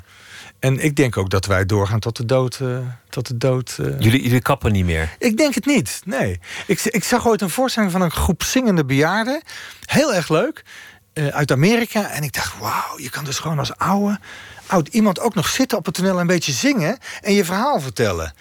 En dat heb, toen heb ik Johan gebeld en zei... joh, we kunnen gewoon doorgaan tot het einde als we willen. We hoeven helemaal niet... Weet je wel, je kan altijd nog dingen blijven maken. Over elke fase van je leven. Of over, over, over elk ding wat er gebeurt in de maatschappij, zeg maar. Er is, er is veel... Maar er, er is ook nooit een sleetsheid ingekomen. Nee, ik, maar ik zie die voorstellingen al, Ja. nou, ik denk ook alweer twintig jaar. Oh ja? En het, het is niet, niet van, oh, daar- gaan we weer. En Nee. het, het is nooit hetzelfde. Nee, maar dat is ook. Ik, in het begin van de mug dacht ik. Na elke productie dacht, was het. Die processen waren zo zwaar dat ik dacht. Oh, ik hou dit niet vol. Er komt er weer een productie. En op een gegeven moment dacht ik. Oh, maar dit is de werkwijze. Uit de ene productie komt de andere voort. Dus het is nooit zo dat we heel erg allemaal losse dingen bedenken. Nee, het een stuurt het andere eigenlijk voor. Dus het is een soort organisch ding. En ik moet zeggen, de mug is in, in compositie met andere mensen vaak heel erg veranderd. Waardoor het toch telkens andere groepen waren. Dan is het weer vijf jaar die groep geweest. Michiel van Erf heeft er een tijdje bij gezet met Frank Houtappels. Toen was het weer een hele andere groep, zeg maar. En toen... En dat houdt het volgens mij. eh, maar het is allemaal vrij organisch, want het is niet iets wat we bedenken. Het een komt, ja, het komt, het komt, het komt en dan doen we het. Die, die naam las ik vanmiddag, die, die is door jouw moeder Ja. in het leven geroepen, Ja. zonder dat ze dat zelf toen door Ja, had. dat is wel zoet, ja. Want hoe, hoe ging dat? Zij zei, daar, daar vliegt een. Het, het, nee, zij, zij, een elke, elke avond eh, deed ze voor ons een raadseltje of een mop. Als voordat we gingen slapen. En dan verzon ze zelf. En toen op een avond zei ze... Het blinkt en het vliegt in de lucht. Waar is dat? Nou, we wisten het natuurlijk niet. En dat was een mus met een gouden tandje. Maar ik had verstaan een mug met een gouden tandje. En toen ik dat aan mijn collega's vertelde toen wij een naam moesten hebben... want we waren dronken aan het worden... toen zeiden ze, oh, dat is een goede naam. Mug met de gouden tand, wat een rare ding. En toen hadden we even een naam nodig omdat we subsidie aanvroegen. En toen hebben we... Ja, die naam is nooit meer weggegaan. Tot de mug met de gouden Ja. tand. Nou, prachtig toch? Nou, ik vond het altijd niks. Maar, maar nu ben ik helemaal gewend, ja. Dat is met de meeste namen. Al is het aanvankelijk misschien niet een goede naam. Na, na 30 jaar is het ja. vanzelf een goede en het naam is eigenlijk geworden. wel wat, ja. Een mug is een klein diertje wat af en toe steekt. En een mug met een gouden tandje, weet je wel. Dat, die, dat is wel een beetje wat we doen. Af en toe steken. Ja, af en toe een beetje steken. Af het is niet eh, schijnen. irritant, maar wel, maar wel eh, lastig soms, weet je wel. Je moet er wel van krabben en je moet er wel naar kijken even. Nou, het is altijd heel erg van, van nu. Het is altijd heel erg in het moment. En Ja. dat is iets dat ik, dat ik nu ook meer zie, nu ik, nu ik er wat meer gezien heb door de jaren heen. Ja, ja, ja. Het, het is nooit, nooit bevroren. Dat de voorstellingen van 20 jaar die zou je nu niet meer kunnen doen. Nee. Zonder, zonder aanpassing. Nee, nee. Nee, we proberen een beetje zeg maar, de tijdgeest te vatten. En, eh, op een persoonlijke manier, maar ook op een wat bredere manier. En het is grappig, want ons motto was toen we 32 jaar geleden begonnen: Het is nu. En dat is het nog steeds. En, en het gekke is dat die, die, die Het is nu betekenis in heel veel verschillende varianten eh, heel veel heeft gedaan om. eh, ter, inspiratie, zeg maar. Want je kan natuurlijk, het is nu, denken oh, dat gaat over nu, maatschappij. Nee, het gaat over, het is nu, nee, over jouzelf. Het is nu op een meer spiritueel. Kan op allerlei niveaus kan je denken, het is nu. En dat is, ik vind het wel een hele goede. Want in, in de jaren 90 maakten jullie voorstellingen die, die gingen op een wat abstractere manier Ja. over de decadentie, over het plotselinge grote geld, Ja. over de bandeloosheid, over. eh, Ja, we hebben ook een serie gemaakt, die heette Plaatsbepalingen. Dat ging over eh, eh, kunstenaars in, de, in oorlogen. Weet je wel, dan willen we kijken wat, wat, wat de betekenis was van ons als kunstenaar en die dingen. Dus ja, dat is heel anders dan wat we nu doen, bijvoorbeeld. Jesus. Jezus. Ja, ik zet zo. De, de voorstelling die jullie maken met, eh, met Aaf, Buik. De, de derde Ja. in de reeks. Want jullie maakten 50-50. Een flinke linkse vrouw. En, en dan deze. Over een broer en zus. Dat, dat heb ik net al eh, verteld. En dan, dan komt dat hele arsenaal dus los tussen die, die, die broer en die zus. Die elkaar gaan manipuleren. En, en dan kan jij echt alle trucs die je, die je hebt geobserveerd door de jaren Ja. heen. Die kan je loslaten. En Lies ook. En die kan het heel goed. die kan ook heel Oh goed man, ik word zo geprikkeld door haar. Want zij speelt namelijk echt. Zij laat echt gebeuren wat er op dat moment gebeurt. Dus ik, ik kan me nooit voorbereiden. Want ik kan, kan alleen maar op haar reageren. En, de- en omdat ze zo lekker is, ik bedoel in spelen, en zo gul ook. En gemeen op een lekkere manier. Ja, dat is, dat, da- daarom gaat het gewoon goed. Dus het is ook een deel improvisatie. Zij kwetst jou en dan, en dan zie jij dat niet aankomen. En dan moet je ook op dat moment de, de, de gekwetste man uithangen. Ja, ja. Nee, daarom is het voor zo'n- terug, het- terugkwetsen. Weet je wat het leuke is aan die, die drie producties? Die we, dit is de derde dan die we gedaan hebben... naar aanleiding van de, de stukken van eh Aaf. Ehm, we, we kennen de tekst zo goed dat we... en we leggen geen mise-en-scène vast. Een paar kleine dingetjes. Dus het is echt elke dag zo van... eh, hoe we die dag erin gaan. En je verrast elkaar dus heel erg. Dus het is heel erg een hier, het is nu ding. Nu ook in het moment Ja. op het podium. Nou, jij was bij een staan. repetitie of bij een Ja. soort doorloopje. Als jij eh, komt kijken, dan weet ik zeker dat je iets anders ziet. Dat het alweer heel anders is. Ja, dan is de tekst hetzelfde, maar de, de hele situatie... want dat kan zijn, veel, veel meer een bitch zijn... of ik veel meer eh, ingetogen of juist niet. Dat is precies wat het moment geeft. En dat is heel erg leuk. Jullie zijn echt aan elkaar gewaagd. Ja, ja. Nee, ik zeg ook grappig tegen, grappig tegen haar van... ja, we zijn nu de Pleun du Touw en Hugo Metzels van de jaren eh, 2017. Ken je die nog? Ja, Ik moet even nadenken. Ja, dat, waren waren, dat was Ja. een acteursechtpaar. Die, ze leven nog hele leuke mensen. Pleuni- Pleunitouw was toch van de, van de stille kracht? Van de stille kracht. Oeriep. Ja. Dat had ze zo'n scène, ja. Ja, dat is heel leuk. Ze speelde mijn moeder in Gooise Vrouw. Vond ik heel erg leuk. Oh, wat goed. Ja. Maar dat was dus een acteursechtpaar... wat telkens met z'n tweeën op, op tournee ging. En dat, Lies en ik zijn nu al vijf jaar met z'n tweeën op tournee. Met die drie stukken. Dus het, eh, Moeten jullie blijven doen. Ja. Buik heet eh, de voorstelling en die is eh, te zien nou ja, vanaf volgende week zo'n beetje Ja. in, in Bellevue in Amsterdam. En volgend jaar op tournee trouwens. Volgend jaar ook nog door het hele Ja. land. Veel plezier en dankjewel dat je langs wilde komen. Dankjewel. En even opblijven voor, voor, voor ons. Marcel Musters, dankjewel. Zometeen gaan we verder met eh, Nooit meer slapen. Twitter, het VPRO NMS. We zitten op Facebook en u kunt zich abonneren op de podcast via de site van de VPRO. vpro.nl slash nooit meer slapen.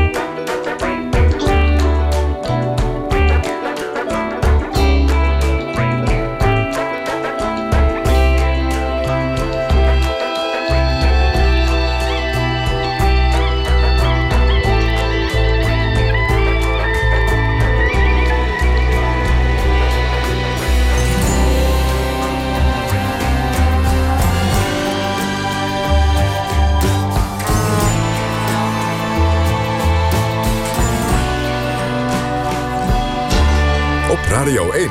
Het nieuws van alle kanten.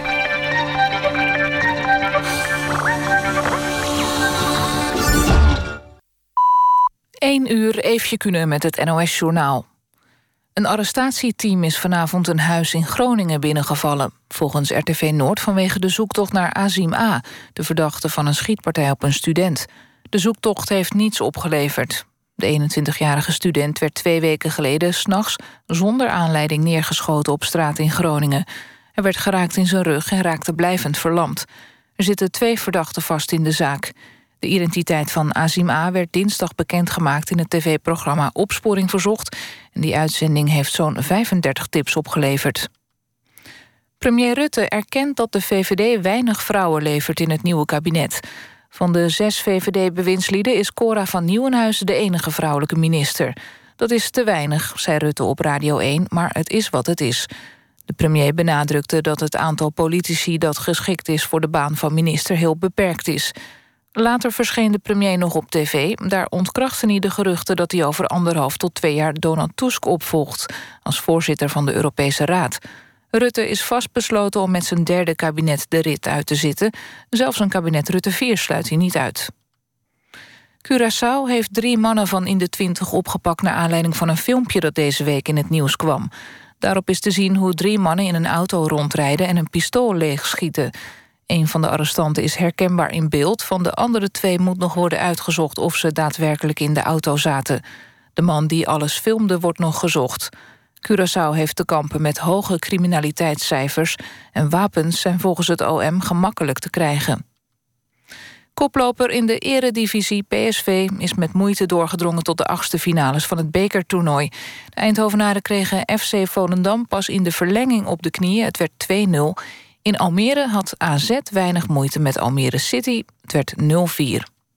Het weer nog. Veel bewolking en soms een bui. Minima tussen de 9 en 12 graden. Ook morgen bewolkt en regenachtig. Het wordt 13 of 14 graden. Het weekend wordt wisselvallig. De wind neemt toe en het wordt kouder. Dit was het NOS Journaal. NPO Radio 1. VPRO. meer slapen.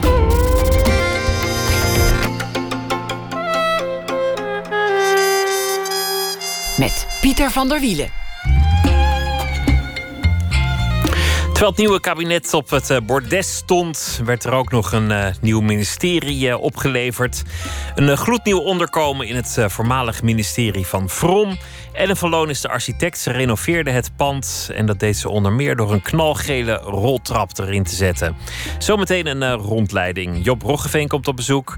Hij is de man achter het muziekproject Happy Camper. Morgen verschijnt het derde album Graffiti. Jona Valken zal een verhaal maken bij de dag die achter ons ligt. oh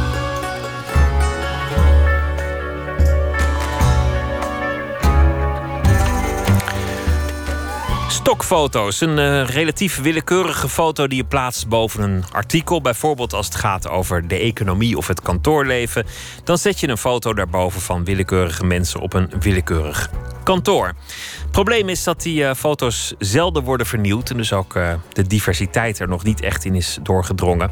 Daar moet verandering in komen. Dat is het streven althans van het internationale project Vrouw Nauw. Ze hebben stokfoto's uh, gemaakt, maar dit keer zijn het uh, mensen van allerlei kleuren, gezinten, afkomsten, etc. die op de foto staan. Mickey Brown heeft meegewerkt als uh, visagist. Goeienacht. Ja, goeienacht. Hallo, Pieter. Ja, de, de, de, de stokfoto, dat is normaal gesproken uh, een vanzelfsprekendheid. Niemand die heeft er echt veel aandacht voor. Je hebt een stuk nodig en dan uh, bij dat stuk hoort een foto. En bij die foto dan, ja, dan kies je gewoon iets van een kantoor. En, Ja. en niemand lijkt er ooit echt heel veel aandacht voor te hebben, voor de stokfoto. Nee, totdat een vrouw op zoek is naar bepaalde images voor een, ja, een nieuwe te lanceren website. En eigenlijk daar niet terugvindt eh, ja, wat haar eh, business en de, de vrouw waar ze mee werkt representeert. Ik zeg het helemaal niet goed, maar, ehm, eh, maar in ieder geval, eh, ze kon dat niet vinden. Dus vandaar dat daar de gedachte over is gegaan van... goh, wordt het dan niet eens tijd om dat zelf neer te gaan zetten? De wereld had een beetje stilgestaan op de stokfoto. En eigenlijk was het met de diversiteit en de representatie droevig gesteld. En toen, wat, wat is gebeurd? Wie nam het initiatief?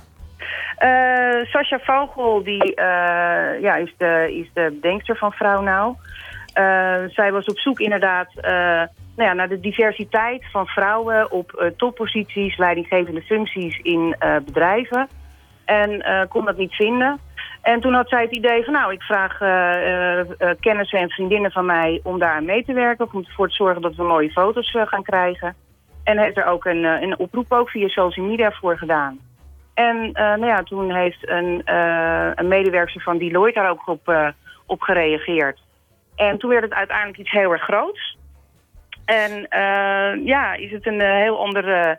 eh, het gebeurde gewoon, dus het team was ook niet gepland. Dat is bij elkaar gekomen. En zo is er een dag geweest waar ik dan inderdaad de, de heb verzorgd. Om de vrouwen nog meer zichzelf te laten zijn en een extra boost te geven. Want inderdaad, ja, visagie en make-up doet wat met een, met een vrouw. En eh, ja, er zijn prachtige foto's gemaakt eh, bij eh, Deloitte in het gebouw The Edge in Amsterdam. Met een geweldige lichtinval en ja, een, een groot succes. Dus uiteindelijk is het van een klein idee voor een ja, relaunching van een website eigenlijk iets heel groots geworden. En internationaal, hè? Het is, het is niet Ja. alleen Nederlands. Nee, zeker niet. Want ik moet zeggen dat in het hele team waar we mee bezig zijn... Nou, ik geloof dat er 15, 16 nationaliteiten in zitten.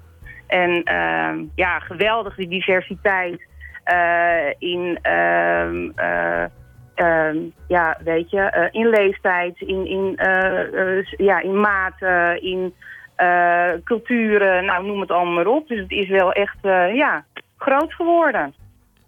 De naam is niet heel in- internationaal. Vrouw Nou. Dat, vrouw is gewoon een, een Nederlands woord. Hoe, hoe komt dat? Eh, nou, dat is eigenlijk door toeval ontstaan. En dan denk ik van, nou ja, toeval bestaat niet. Eh, Rachel eh, is een Amerikaanse en praat ook geen Nederlands. En zij is inderdaad met woorden gaan stoeien van, want ja, vrouw, dat staat ergens voor. Het staat voor Visual Representation of United Women. En eigenlijk door die woorden achter elkaar te plakken ontstond het woord vrouw. En zij was zich er dus helemaal niet bewust van, want dat dachten wij eerst nog. Dat zij wist wat dat betekende. En eh, nou, dus dat was nog wel hilarisch dat dat dus, eh, ja, eh, woman betekende. Dat het zo bij elkaar kwam. Maar die mensen Ja. die, die op die foto's staan, dat zijn allemaal mensen die ook echt een, een, een corporate baan hebben of ergens in het bedrijfsleven rondlopen. Het, het, het is in, in die zin niet gecast onder modellen of, of acteurs of zo. Nee, inderdaad. Het zijn vrouwen die leidinggevende functies hebben. of inderdaad een zakenvrouw zelf zijn. Eh, ja, inderdaad daarin wel verschillende disciplines. Maar inderdaad, het is niet van nou, eh, we zetten een paar vrouwen bij elkaar en we doen allemaal net alsof. Dus eh, ja, wel heel, heel gaaf ook om dat te ervaren. En de, ja, iedereen heeft natuurlijk wel weer misschien een ander plekje in, in, in, eh, in de corporate world. Maar ja, wel, wel heel bijzonder dat het zo tot stand gekomen is. De stokfoto hoeft niet meer strikt uit witte mannen te bestaan. Dankjewel, Mickey Brown, en veel succes met dit project en alle andere projecten. Ja, dankjewel Pieter. Een Tot fijne ziens. uitzending nog. Oké, Doei. dag.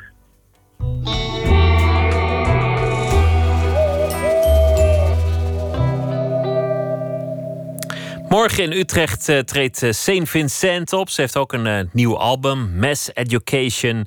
En eh, dit nummer zal erop staan, New York. New York isn't New York without you, love.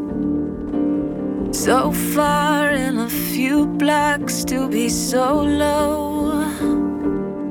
And if I call you from First Avenue, we're the only motherfucker in the city who can handle me.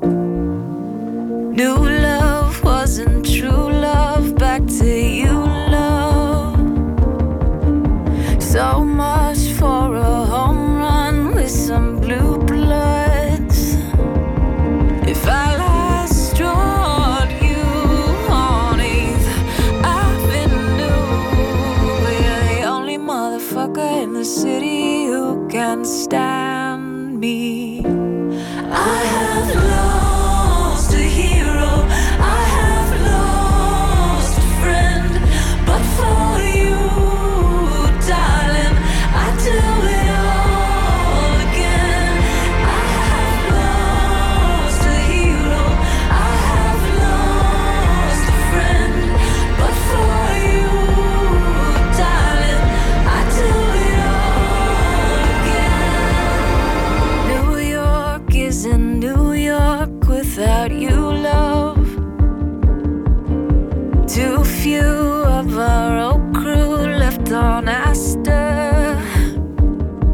So if I trade out for some Hollywood, well, you're the only motherfucker in the city who only motherfucker in the city who only motherfucker in the city who forgive me. I have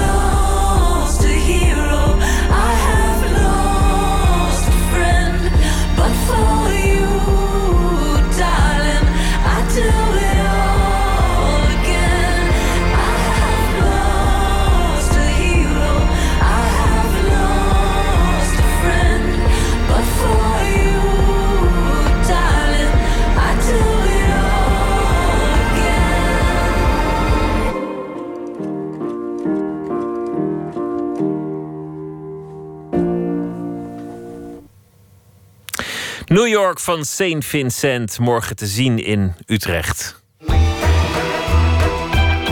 Nooit meer slapen. De ministers van Buitenlandse Zaken en eh, Infrastructuur en Milieu gaan samenwonen in het eh, oude Vromgebouw tegenover het Centraal Station van Den Haag. Want die, eh, musea, of die ministeries moeten een beetje fuseren. De architect is Ellen van Loon van OMA, EO. E-M-O-M-A. En eh, die was verantwoordelijk voor het eh, ontwerp. Hoe maak je trouwens een gebouw waarin 6000 mensen moeten werken met allemaal flexplekken? En hoe reageer je op ambtenaren die eigenlijk gehecht zijn aan hun eigen bureau van loon? Maakte eerder eh, bijvoorbeeld de ambassade in Berlijn en is nu ook verantwoordelijk voor de Tweede Kamer. En ziet zichzelf graag als regisseur van de gebruikers van haar gebouwen. Een rondleiding door Emmy Colau. Het moment dat je door de beveiliging gaat... is altijd een heel merkwaardig moment voor architecten. Want je bent natuurlijk, je hebt het gebouw ontworpen. Dan heb je de hele bouw, je hebt toegang tot alles. Want je moet je met alles bemoeien. Ieder klein detail in het gebouw. En dan is het gebouw opgeleverd. En dan ben je ineens buitenstaander. Je bent een gewone burger geworden. exact, dus ik moet ook door al die beveiligingsschillen... die we eigenlijk zelf gemaakt hebben. Omdat je toch zo lang aan één gebouw werkt... dat je altijd het gevoel hebt, dit is eigenlijk mijn gebouw. Dat is het natuurlijk niet, maar omdat het zo je eigen schepping is... heb je er een hele sterke band mee. Zijn we klaar? Oké. Gisteren stond Ellen van Loon nog naast de Franse president Macron... tijdens de opening van een van haar nieuwe gebouwen. Een ingenieurschool in Parijs. Nu staat ze braaf in de rij voor de beveiliging... van het gebouw waar ze jarenlang aan werkte. De renovatie en herinrichting van het oude Vromgebouw. Het immense gebouw, pal naast Den Haag Centraal... moest voortaan aan zo'n 6000 ambtenaren plaats gaan bieden. Waar voorheen nog maar zo'n 3000 mensen werkten. Zo'n immens gebouw. Waar begin je dan als architect? Wat ik heel leuk vind als ik begin aan een project... is het de gronden van eh, de gebruikers. Want iedere organisatie heeft heel veel ongeschreven wetten. En dan ben je best nog wel lang bezig, een half jaar, soms een jaar... om echt te doorgronden wat er nou echt speelt in zo'n organisatie. Want uiteindelijk moet je toch iets maken voor die organisatie. Het oude ontwerp van Jan Hoogstad uit 1992 was revolutionair in zijn tijd, omdat het zo duurzaam was. Enorme glazen serres voorzagen het gebouw van warmte. Maar ondanks al dat glas was het een gesloten plek met lange donkere gangen en kleine kamertjes. Ellen van Loon heeft de ruimte helemaal opengebroken. En overal dringt de buitenwereld zich nu naar binnen. De gesloten zijpui heeft plaatsgemaakt voor glas, dat uitzicht biedt over de hele randstad. En de eerste vijf verdiepingen zijn bezaaid met ontmoetingsplekken. Zitjes, koffiecorners, heuse terrassen en glazen vergaderruimtes. En een restaurant. Digitaal kan iedereen alleen werken. Je kan thuis werken, je kan in een café werken, et cetera. Maar de werkplek is echt een plek geworden waar mensen daar... Dat is het de plek waar mensen juist de interactie zoeken met hun collega's en andere mensen. Dus in die zin is de hele, de, alle de eisen die je stelt aan een werkplek gewoon heel anders. Dit vind ik dan interessant. Er zit gewoon iemand in het restaurant en die doet een eh, videoconference. Dus je ziet eigenlijk dat alle plekken eigenlijk ook als eh, werkplekken worden gebruikt.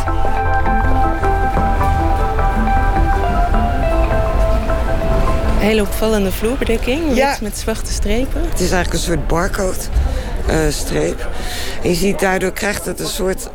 Daar kan je beter eigenlijk de diepte inschatten. Kijk, je wil in grote gebouwen het gevoel van schaal wel in de hand houden. Dus je wil eigenlijk dingen die heel erg groot zijn, soms groot laten lijken. Maar je wil vooral ganggebieden zoals dit, want het is natuurlijk een vrij brede gang. Die wil je ook een soort schaal geven. Dat mensen niet het gevoel hebben dat je een kilometer moet lopen om naar de achterste meetingroom te gaan. Wat wel zo is. Wat, wat wel zo is, maar mensen beseffen dat helemaal niet. En dat is natuurlijk leuk. Dat is natuurlijk waar je als architect mee speelt. Je speelt natuurlijk eh, met visuele effecten... waarvan normale mensen niet doorhebben dat ze er eigenlijk daar heel erg op reageren. Ja, dus je manipuleert, Je eigenlijk manipuleert mensen. eigenlijk mensen in hun gevoel, ja. En wat is dan de belangrijkste manipulatie die je hier toepast Nou, ik in het gebouw? kijk, wat belangrijk is in een groot gebouw van deze afmeting... is dat je eigenlijk als mensen het gebouw gebruiken... eh, laten we zeggen, de emotionele gevoelens van de, van de gebruiker... eigenlijk laat pieken en laat dalen. Waardoor de beleving van het gebouw eigenlijk interessant wordt. Want dan wordt het echt een beleving. Hè? Als je een gebouw in zou stoppen en je emotionele beleving zou een horizontale lijn zijn... dat is waarschijnlijk een heel erg saai gebouw. Ik kan er echt heel erg van genieten. Ja. Zo klink je. Ja, ja. Ja, het is eigenlijk... Kijk, het interessante van dit soort gebouwen is dat je bent eigenlijk een soort regisseur. Als architect regisseer je eigenlijk de scene voor eh, de gebruikers. Dus in die zin is er natuurlijk altijd een soort enthousiasme. Want bij iedere scène had ik natuurlijk een soort ontwerpgedachte. Ehm, met een bepaald beeld, een bepaalde atmosfeer, et cetera. Maar wat nou als die acteurs in die scènes niet tevreden zijn? Deze week kwam de Volkskrant met een stuk over ambtenaren die zich zouden beklagen over de flexplekken. Er zou zelfs zo weinig plek zijn dat ze zich ochtends over dag en dauw het gebouw inhaasten. Ten eerste is het zo dat de ministeries, een hoop ministeries die nu in het gebouw zijn getrokken, natuurlijk gewend waren aan gesloten kamers. En dat is heel ouderwets werken. Dus die waren nog helemaal niet gewend om überhaupt in open ruimtes te werken. Dus dat is één. En ten tweede blijkt toch in al die programma's die geschreven zijn voor dat nieuwe werken de gedachte was dat mensen eigenlijk doordat het digitaal werd... en dan werkte je gewoon thuis, hoeft hij eigenlijk niet naar je werk. Maar we merken dus dat mensen heel graag naar hun werk gaan. Snap je wat ik bedoel? Dus dat is een hele interessante ontwikkeling. En het is natuurlijk ook zo dat als je een opdracht krijgt als dit... is een programma daarvoor is natuurlijk zes jaar oud. Terwijl in die tussentijd die ministeries natuurlijk ook groeien. Want wij lezen altijd in de krant dat de ministeries eigenlijk altijd maar kleiner worden. Want er staat eigenlijk alleen in de krant als ze moeten gaan bezuinigen. Maar in werkelijkheid is het zo dat die ministeries best wel over de tijd. Dus als je de tijdlijn zet, maar eigenlijk alleen maar groter worden. Dus in die zes jaar tussen het programma wat wij krijgen, wat contract is, en de uitvoering, gebeuren natuurlijk ook allerlei dingen. Dus er is ook weer discrepantie tussen ja, dus ideaal en praktijk. Ja, daar moet in, uh, in uh, ja, in gecorrigeerd worden. Maar ik denk niet. Ik heb wij corrigeren altijd. Onze eigen gebouwen corrigeren we nog tien jaar nadat we ze opgeleverd hebben. En, is heel normaal. toch, als je dat dan leest in een krant, is dat, neem je dat dan toch even persoonlijk? Of, Ik neem het persoonlijk deels, uh, omdat ik. Uh, omdat ik denk dan van, oh, we hebben weer een nieuwe opgave. Hè? Dus hier moeten we echt over gaan nadenken... hoe we dat beter kunnen doen. En uh, wat, ik, wat ook mijn gedachte was nadat ik dat artikel had gelezen... want het was mij niet heel erg duidelijk dat dat echt zo speelde. Het speelt ook in een bepaald deel van het gebouw. Ik dacht ook van ja, nu wil ik gewoon wel echt met de gebruikers aan tafel. Want ik denk dat we ook ideeën kunnen poneren van onze zijde... waardoor dat flexwerken gewoon aangenamer wordt. En de ambtenaren moeten ook wennen. Nou, we gaan nu uh, naar boven, naar de kantoorgebieden. Ja. Hier is ook weer zo'n soort ontmoetingsplek. Ja, dus waar, waar, zijn, oh, daar zijn gewone tafels. Kijk, je ziet die, die uh, rond vormgegeven meubelstukken, dat zijn de ontmoetingsplekken. En achter die gebieden liggen eigenlijk de werkplekken. En ook hier zijn we, gaan we van drukker, laten we zeggen iets meer rumoerige gebieden naar rustige gebieden. Ja, je hoort, als we even stil zijn, hoor je ook een ander soort geluid hier. Ja.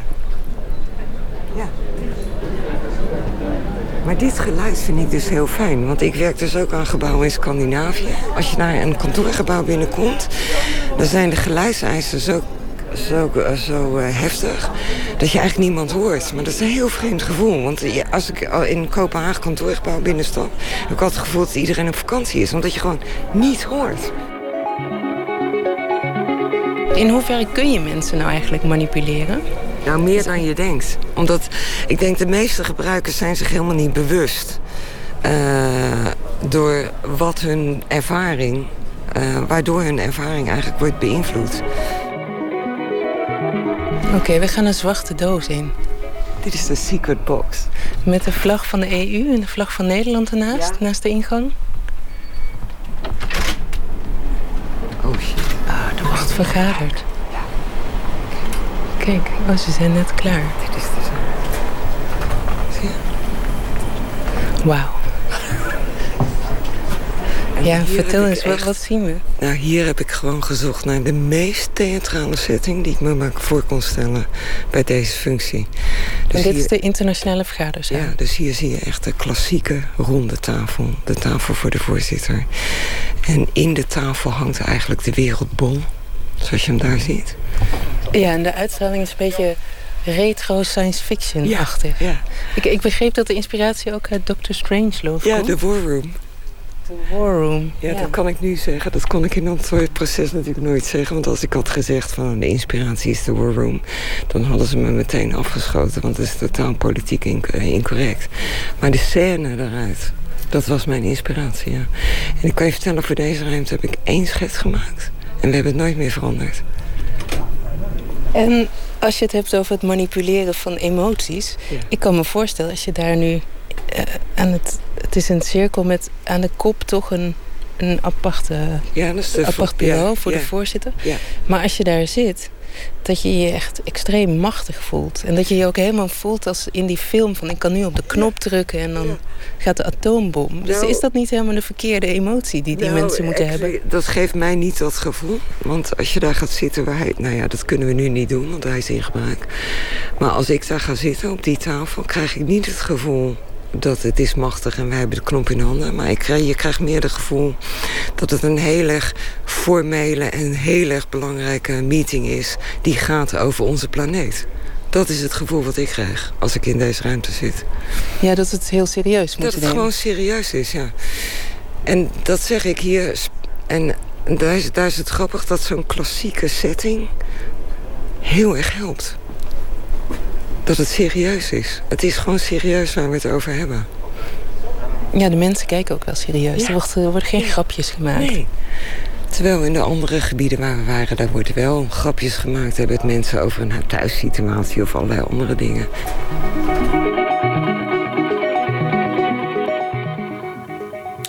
Architect Ellen van Loon van OMA over het eh, nieuwe ministerie van Buitenlandse Zaken en Infrastructuur en Milieu. Officieel geopend door koning Willem-Alexander. Een bijdrage van Emmy Colau. Job Roggeveen is ontwerper, maar hij is ook de man achter muziekproject Happy Camper. Morgen komt het nieuwe album uit Graffiti. En eh, hij is hier in de studio. We gaan luisteren naar eh, de single met eh, Pien Feit. En het nummer heet Single Live. You might think your time is never ending, but a single life is what you're getting, and you should get it right. That's why I'm saying,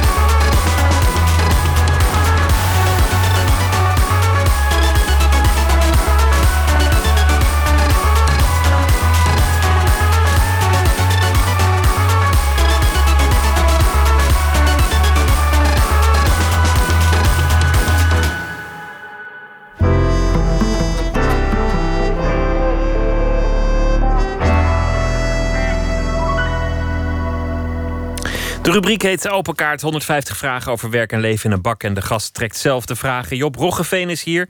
Muzikant, ontwerper en animator. Hij is uh, een van de mensen die opereert onder de naam Job, Joris en Marieke. En daar maken ze videoclips en animaties. Zijn genomineerd geweest voor een uh, Oscar. Werden net verslagen door Disney, maar uh, vooruit. In 2015 was dat. En hij is ook eh, de man achter Happy Camper, een muziekproject, een formatie. En die hebben een derde album, Gravity. Dat kan betekenen zwaartekracht, maar het kan ook betekenen gewicht of uh, ernst. serieusheid, ja. ernst, dat soort dingen. Laten we, laten we beginnen met, met Happy Camper. Wat, wat is het? Nou, eigenlijk voor mensen die het niet kennen. Het is niet ja. een band zoals uh, nee, het is meer een George Ringo, Paul, ja. uh, et cetera. Nee, ik ben, ik ben juist eigenlijk uh, uitgestapt uit het normale band zijn. Omdat ik dan altijd in een groepje zat met een paar mensen. En um, En dat het moet een soort democratisch geheel zijn. En ik merk dat ik beter functioneer als ik gewoon de richting bepaal. En mensen vraag om met mij uh, mijn, uh, mijn songs uit te voeren. Zeg maar. dus, dus wat ik doe is, ik schrijf liedjes. Uh, twee jaar lang bijvoorbeeld werk ik aan nieuwe, nieuwe nummers. En dan ga ik vocalisten zoeken, dus zangers en zangeressen... die ik, bij mijn, die ik interessant vind, waar ik fan van ben. En, en die vraag ik om samen het liedje verder uit te werken of in te zingen alleen. Wie, wie zijn dit ja. keer de, de, de gastzangers? Ja, ik heb drie keer, dit keer voor drie mannen en drie vrouwen gekozen. Dus uh, de, de dames zijn uh, Tessa Douwstra, die net met, uh, met Luton een prachtige plaat heeft gemaakt.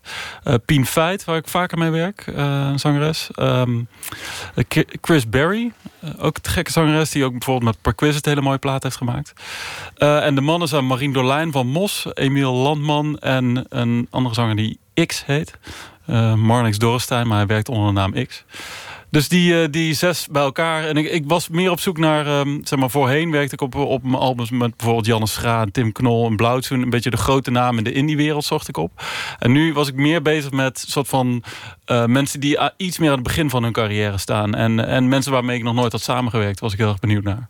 Dat gaf maar, mij heel veel energie. Dit zijn alsnog redelijk bekende namen. Chris Berry en... Uh... Ja, Chris Berry en, en Marien van Mos bijvoorbeeld wel. Maar bijvoorbeeld die, die Tessa Douwstra... die is echt zo nu heel gaan opkomen. En dat vind ik dan heel... En, en zo iemand als die X ook. En, uh, uh, en Emiel, die, die komen een beetje nu de muziekwereld binnen. Dus dat vond ik te gek om met hun dan een, een samenwerking aan te gaan. Ik, sommige mensen leerde ik ook kennen in de studio bijvoorbeeld. Het is een verraderlijke plaat, want het is een aanstekelijke, vrolijke plaat. Je, je, zou erop kunnen dansen. Ja. Maar als je naar de teksten gaat luisteren, dan, dan, dan treedt die gravity op. Ja, ja, het is eigenlijk een plaat over een uh, verbroken relatie. Dus, uh, uh, en ik, ik hou heel erg van zeg wat ik vaker doe, is dat mijn muziek gaat over een zwaar thema. Mijn vorige plaat ging eigenlijk over een burn-out. Maar dat ik dan heel euforische muziek maak over een, over een zwaar, uh, zwaar moment in je leven bijvoorbeeld. Die, die wisselwerking vind ik tof. Dat zit in ons filmwerk ook vaak. Dat, dat iets heel uh, vrolijk of uplifting is, maar er zit ook een soort van donkere kant aan. En dat gebeurt dan altijd met, met, een, met een klein moment, een, een, een kleine observatie. Die burn-out werd bijvoorbeeld ge, gekenschetst door, door een man die nerveus wordt van een rood stoplicht. Ja, kleine dingen die, die, die de grootste irritaties naar boven brengen. Ja. En daar, daar zit dan iets heel groots anders onder natuurlijk. Ik bedoel, het rode stoplichten kan natuurlijk nooit het echte, het echte probleem zijn. Als je daar al opgewonden van raakt, dan, ja. dan, dan, zit je gewoon niet goed in je vel, mag de conclusie zijn. Ja, precies. Ja, ja en ik... ik uh, nou daar hou ik van om dat in, in liedjes uh, te verbergen eigenlijk. Een beetje de, de, de donkere ondertoon, maar dan misschien wel met alle euforie met z'n allen te zingen. Die verbroken ja. relatie wordt wel bezongen in, in de fase dat er ook af en toe al een beetje licht door, door de duisternis komt. Ja. Er, zit wel, er zit wel alweer optimisme in. Ja, zeker. Zo, um, en het is ook, ik, ik heb het een beetje gezien als een, een plaat over een overgangsperiode. Weet je, op een kruispunt staan in je leven en in één keer erachter komen van: oh wacht, ik dacht dat mijn leven die kant op ging, maar misschien uh, zijn er ook wel weer nieuwe opties. En dat is ook hoe je die liedjes geschreven hebt. Dat was ook het moment dat het aan de hand nou, was. De, ja, ik heb die liedjes geschreven tijdens een, een diepe crisis en het einde daarvan. Zeg maar. En, en die, dat het weer overging naar een soort van betere fase in mijn leven. Maar uh, ja, die muziek ontstaat tijdens mijn leven. Zeg maar. Dus het is ook best wel persoonlijk dat ik andere vocalisten laat, laat zingen over mijn leven. Zeg maar. Dat hebben ze niet altijd door, maar dat, dat gebeurt wel. Ja. Over jouw uh, misère of, uh, ja. of, of niet misère. Of, of, inzichten in, in hoe ik met de dingen omging al die tijd. Of hoe ik uh, opnieuw naar het leven ben gaan kijken. Ja. Je bent aan de ene kant ontwerper en maker van animaties... en aan de andere kant muzikant, maar die twee komen bij elkaar. Ja. Je, je kunt Happy Camper ook zien als een, als een ontwerpopdracht. een, een optreden van jullie of een, of een videoclip of eh, een albumcover. Het, het, het heeft altijd wel een. Het heeft iets conceptueels altijd wel. Altijd iets conceptueels. Ja, ja want ook, ehm, we hebben nu met, met de studio... on- onze studio maakt animatiefilms... maar ik zie ons altijd een beetje als een soort klein laboratorium. Dus we doen ook... we hebben bijvoorbeeld een, een 3D-printinstallatie gemaakt... voor beeld en geluid hier vlakbij. We, we doen... Ja, weet je we maken, ook, we maken ook boeken bijvoorbeeld. Dus al die ideeën die komen samen met ons, met ons drieën. Ehm, en zo'n project als Happy Camper vraagt ook om een soort interessante beeldende kant. En deze keer hebben we eigenlijk gekozen om dat 3D-printen ook eh, te gebruiken. En daar heb je een soort ehm, ja, supports in. Eigenlijk als je, als je plastic uit de lucht laat vallen... dan moet je er iets onder hebben om het te ondersteunen. Zeg maar. En dat, die ondersteuningen, dat vonden wij een heel mooi beeld... voor iemand die een zwaar moment in zijn leven heeft. Want als je het zomaar print, dan, dan zakt het in elkaar of dan, dan valt het om. Je, je moet er iets onder leggen om dat goed te kunnen printen. Ja, het is eigenlijk overhangende delen. Dus iets wat op de grond staat kan je gewoon laten vallen. Maar als je bijvoorbeeld een karakter hebt... of een, een mensfiguur wat een arm horizontaal heeft... dus in de lucht houdt... dan moet er iets onder zitten om die arm daar ook te kunnen printen. Anders dan valt die plastic gewoon op de grond. Ik heb ook een voorbeeldje voor je meegenomen. Oh ja, een, doosje, ja. Ja, ja, het is natuurlijk mo- moeilijk voor op de radio... omdat je het niet kan zien. Maar dit is zeg maar het... het karakter wat op de, voor op de plaat komt te staan. Het is een, een liggend mensfiguur in een Job Joris Marieke stijl met een support eronder eigenlijk. En die beeldt voor ons heel mooi de, de, de, de verhouding uit tussen gravity, zwaartekracht... maar ook de ernst van een, een, een mens die valt, zeg maar. Het is een, een mens die valt, maar hij valt op een soort van takken. Die zijn nou helemaal nodig omdat dat Ja. een poppetje niet kan zweven. En, en zijn navel, dat, dat zijn ook een soort nerven. Ja, dat is eigenlijk, maar dat komt gewoon door het printen. Dat is een soort bijkomstigheid van, eh, van hoe het geprint wordt... door een, door een printkopje wat ronddraait. En, eh, en dat vind ik een heel mooi, eh, mooi detail eigenlijk. Ja. Een soort vingerafdruk is het bijna. Prachtig, eh, prachtig wezentje is dit. En in- inderdaad precies in die, in, in die eh, geanimeerde stijl van jullie. Ja. Die, die bijna cartooneske Ja, wij stijl. houden altijd heel erg van om dingen weg te laten. Dus bijvoorbeeld het eh, karakter uit onze film A Single Life. ehm, die had geen neus en eh, geen oren. En eh, wij vinden dan... Eigenlijk willen we een karakter zo simpel en iconisch mogelijk maken. Maar het moet wel gevoel over kunnen brengen. Dus het mag geen pictogram worden bijvoorbeeld. En dit karakter vonden we dan zo mooi... dat het echt alleen maar een mensfiguur uit moet, uit moet eh, dragen of uit moet stralen, zeg maar. Dus hebben we zelfs gezichtsuitdrukkingen helemaal weggelaten. Alleen maar de, de uiterlijke vorm van een mens. Ja. Laten we beginnen met eh, de vraag. Hier is de kaartenbak en ik eh, Yes. wil je vragen één kaart te trekken alvast. Nou, het is een hele mooie toepasselijke vraag. Bij dit karakter, wanneer laat je iemand vallen? Nou, dit, dit poppetje is, is al flink bezig. Wanneer, wanneer laat je iemand vallen? Ja, dat vind ik wel een, eh, een hele lastige vraag. Ik denk dat ik niet zo snel iemand laat vallen. Eh, ik heb vaker met, met mensen eh, zeg maar, meegemaakt dat je, dat je het even heel lastig hebt samen. Of dat je denkt van, ik weet niet zo goed of wij nog samen heel veel tijd met elkaar door moeten brengen. Maar echt iemand laten vallen, heb ik misschien wel nog nooit gedaan in mijn leven. Maar het is toch wel een moment dat je denkt, nou, we zijn er wel.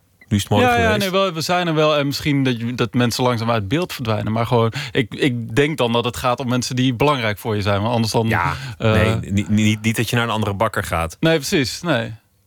Nou, ik heb wel eens gehad met een, met een vriend dat ik echt dacht van... oh, ik weet niet of we hier uit gaan komen. En dat, toen is dat toch een soort van fase, eh, zijn we dat doorheen gegaan. En, en nu hebben we een soort nieuwe vriendschap opgebouwd. zeg maar. En er zijn wel mensen die inderdaad... eh, ja, die je minder gaat zien na een tijdje of zo. Maar nee, ik weet niet of ik ooit iemand echt heb laten vallen. Laten we nog een vraag doen. Mag dat ook? Ja, dat mag ook, tuurlijk. Waar hebben je ouders je altijd voor gewaarschuwd? Dat is wel een interessante. Ehm, nou, mijn vader heeft me altijd wel gewaarschuwd voor dat ik nooit eh, met eh, dat je nooit met je vrienden moet gaan samenwerken, omdat eh, of nooit zaken moet doen met je vrienden, omdat dat een, nou ja, weet je wel, dat, dat kan gevaarlijk zijn, want dan kunnen er kan- kunnen zaken en vriendschap door elkaar gaan lopen. Nou, het eerste wat ik gedaan heb is tijdens mijn studie twee mensen ontmoeten waar ik daarna een bedrijf mee heb opgezet. Dus dat is misgegaan. Dat advies heb je in de wind Nee, dat geslagen. eh, advies heb ik niet opgevolgd. Nee. En heeft dat problemen opgeleverd ooit? Eh, Ja, dat de- je, je, eh, als je samen een bedrijf hebt, dan loop je natuurlijk tegen dingen aan. Maar eh, of we. Hoe zeg je dat? Dat heeft nooit problemen opgeleverd. Ja, wij zijn altijd dat we, dat we, dat we samenwerkten en dat we altijd dingen maakten. Of zo. Dus ik heb het idee dat wij het samenwerken een beetje in, in ons bloed zit.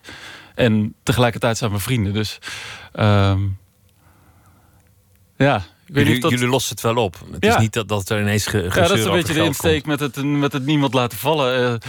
Eh, dus dat was geen optie om, om, eh, om zomaar weg te lopen. Of zo. zo voelt het ook wel. Laten we nog een vraag trekken. Heb je een levensmotto? Dat zijn wel hele persoonlijke vragen allemaal. Ehm, daar moet ik even heel goed over nadenken of ik een levensmotto heb. Dan heb je hem misschien niet, hè? Als je, een- als Nee, je er heel goed over na moet denken. Iedereen heeft wel zijn- oom Koos die, die zijn levensmotto zes keer per dag eh, eruit slingert. Ja. Een levensmotto. Jongen. Ik heb wel eh, dat ik denk dat ik bepaalde dingen heb waar ik volgens leef. Bijvoorbeeld doe wat je, waar je heel erg van houdt. Eh, omdat ik, eh, weet je, ik breng zoveel tijd met mijn werk door. Ik denk dat heel veel mensen zoveel tijd met hun werk doorbrengen. En dan doe ik het liefst iets wat ik heel belangrijk vind. Er stond ook een soort ode op, op het album aan, de aan, de- aan de mensen die hun, hun drang Ja. volgen. Ja. Aan, aan waarschijnlijk Nou, de en, eh, creatieve. en eh, dat, dat nummer Here's to the Ones, heet eh, wat door Emiel Landman wordt gezongen. Eh, is het is eigenlijk een ode aan... eh, ehm, even kijken, wat zingt hij ook weer? Wat zingt ook weer in het refrein? Here's to the ones who can't, control. Eh, dus het gaat eigenlijk over de mensen die hun gevoelens niet helemaal onder controle hebben. En eh, ja, waarbij... eh, Weet je, die niet altijd weten of ze wel de het juiste pad kiezen of heel primair kunnen reageren, bijvoorbeeld. En, en daardoor komen ze in allerlei problemen. Ik heb het natuurlijk ook over mezelf. Dus, dus dat nummer is eigenlijk een ode aan de mensen met een beetje een zwak hart. Of. Maar dat geldt ook, ook voor, voor je passies. Dat, dat, ja, mensen die dit soort werk doen, is vaak omdat ze niet anders kunnen. Nee, en een tikje Ze zouden gevoelig zijn. En, Ze zouden het ja. ook doen als het niet betaald werd. Ja, Daar, nee, wordt- zeker. daar wordt, ja. ook, wordt over het algemeen ook gruwelijk misbruik van gemaakt trouwens. Ja, ja dat, dat, dat gebeurt ook inderdaad. Ja. Ehm, ja. Laten we nog een vraag doen. Wat is je favoriete gereedschap? Ehm, ja, ik denk dan in mijn geval toch wel een eh, muziekinstrument. Als je dat ook een gereedschap kan noemen. Ja, Gereedschap dat is, om, dat is wel eh, een gereedschap, vind ik. Ja, dan is dat in mijn geval toch wel de piano. Ik eh, ben daarnaast ook gitarist. Maar piano is wel... ehm, ik, ik heb vanaf mijn zevende of zo pianoles gehad van een, van een lerares. En die, ik heb later van haar gehoord, en via mijn ouders ook... dat, ehm, dat ik de eerste eh, eh, student was of leerling... die zeg maar, echt niet van de piano af kon blijven. Dus terwijl zij eh, aan het uitleggen was van... oh ja, hier, deze etude gaan we nu doen of zo... was ik gewoon aan het proberen om liedjes te schrijven. En, en zij herkende dat bij mij. En zij is mij heel vroeg akkoorden gaan leren eigenlijk. En daarom kon ik het... Ik zie liedjes altijd als een soort bouwwerkjes of zo die ik maak. En dat ben ik eigenlijk al rond mijn zevende was ik bezig met dingen die ik in mijn hoofd hoorde. En, en, en daar kleine bouwwerkjes van maken. En dat... eh, ja, dat vorm te geven. Dus ik zie het ook, de dingen die ik nu doe, is, is vanaf een jaar, een jaar of zeven ben ik naar, naar gegroeid naar wat ik nu aan het doen ben. Het voelde ook als dezelfde liefde voor zo'n voor liedjes maken eigenlijk. En je schrijft altijd vanaf de piano. Dat, dat is de beste manier om Ja, dat te ik doe doen. het ook wel vanaf gitaar, maar dan, dan ontstaan er ook andere liedjes wel. Heb ik gemerkt. En piano is zo, alles ligt voor je of zo. Kijk, gitaar heb je meerdere. Je hebt de, de, de A, zeg maar, de middel A, zeg maar, die zit er ook drie keer op. Zo, weet je? Dus je, je moet in allerlei grepen kan je akkoorden maken. En het is iets onoverzichtelijker. En een piano is echt een soort van heel duidelijk. En daar hou ik wel heel erg van. Ja. We gaan nog één eh, vraag doen. De, de oervraag, hoop ik. De oervraag. Hoe zorg je ervoor dat je je zin krijgt? Dat, dat is wel een van de oervragen. Hoe zorg ik ervoor dat je me zin krijgt? Ehm, ja, ik ben iemand die heel erg eh, van de lange adem is. Dus gewoon in mijn werk, weet je wel. En in, in muziek ook. eh, ik blijf gewoon maar doorgaan. Dus ik... eh, en ik, ik denk ook wel na over hoe ik, hoe ik ergens terecht kan komen. Bijvoorbeeld Happy Camper. Het, het concept van Happy Camper is dus... ik schrijf songs en ik vraag daar zangers en zangeressen bij. En dat is ontstaan omdat ik een, een band had... eh, die ik, die ik zelf wel goed vond. En ik schreef, schreef goede liedjes. Alleen ik vond dat, dat mijn liedjes eigenlijk een betere zanger verdienden. Dat, op dat moment. Ehm, en ik vond dus eigenlijk dat die liedjes een, een, een, ergens een weg in de Nederlandse popmuziek moesten hebben. Maar dat gebeurde toen niet. Zeg maar. Dus dan ga ik nadenken van oké, waarom gebeurt dat niet? En ik denk dat dat gebeurt omdat ik me op het podium op een bepaalde manier gedragen. Misschien wel iemand ben die iets uh, meer op zijn gemak is om gewoon lekker achter een piano te zitten en niet daar vooraan te staan. Zeg maar. Dus ben ik gaan nadenken van oké, hoe misschien moet ik iemand anders daarvoor vragen. Uh, en toen ontstond de gedachte, wat als ik nou heel veel mensen vraag... en voor elk liedje iemand. En dus zo, uh, ik loop dan tegen de muur aan... en dan ga ik nadenken, hoe kan ik om die muur heen eigenlijk? En doordat ik al die mensen ben gaan benaderen... en, en is dat project iets geworden. Echt als een ontwerper, met een, met een probleem en een, en een oplossing. Ja, ja, en, en, en uh, het is, eh, weet je, die inval kwam. Het is niet zo dat, een, dat, dat, er worden wel meer platen op die manier gemaakt. Maar uh, om dan ook vol te houden en, en al die mensen ook live ermee te gaan betrekken. En met z'n allen het podium op te gaan. Zorgde ervoor dat dat hele project echt in één keer een ding werd. En mijn liedjes die, die plek in de wereld uh, verwierven eigenlijk. Morgen verschijnt het album Gravity. En vanaf december op tour door het hele land. Job Roggeveen, dank je wel en veel succes. Dank je wel.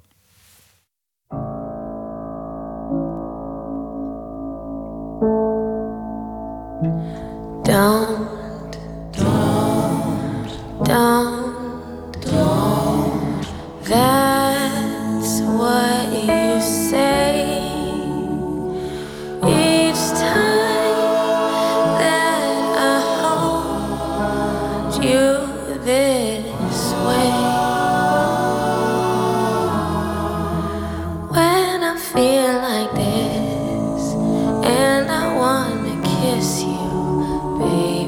don't say don't.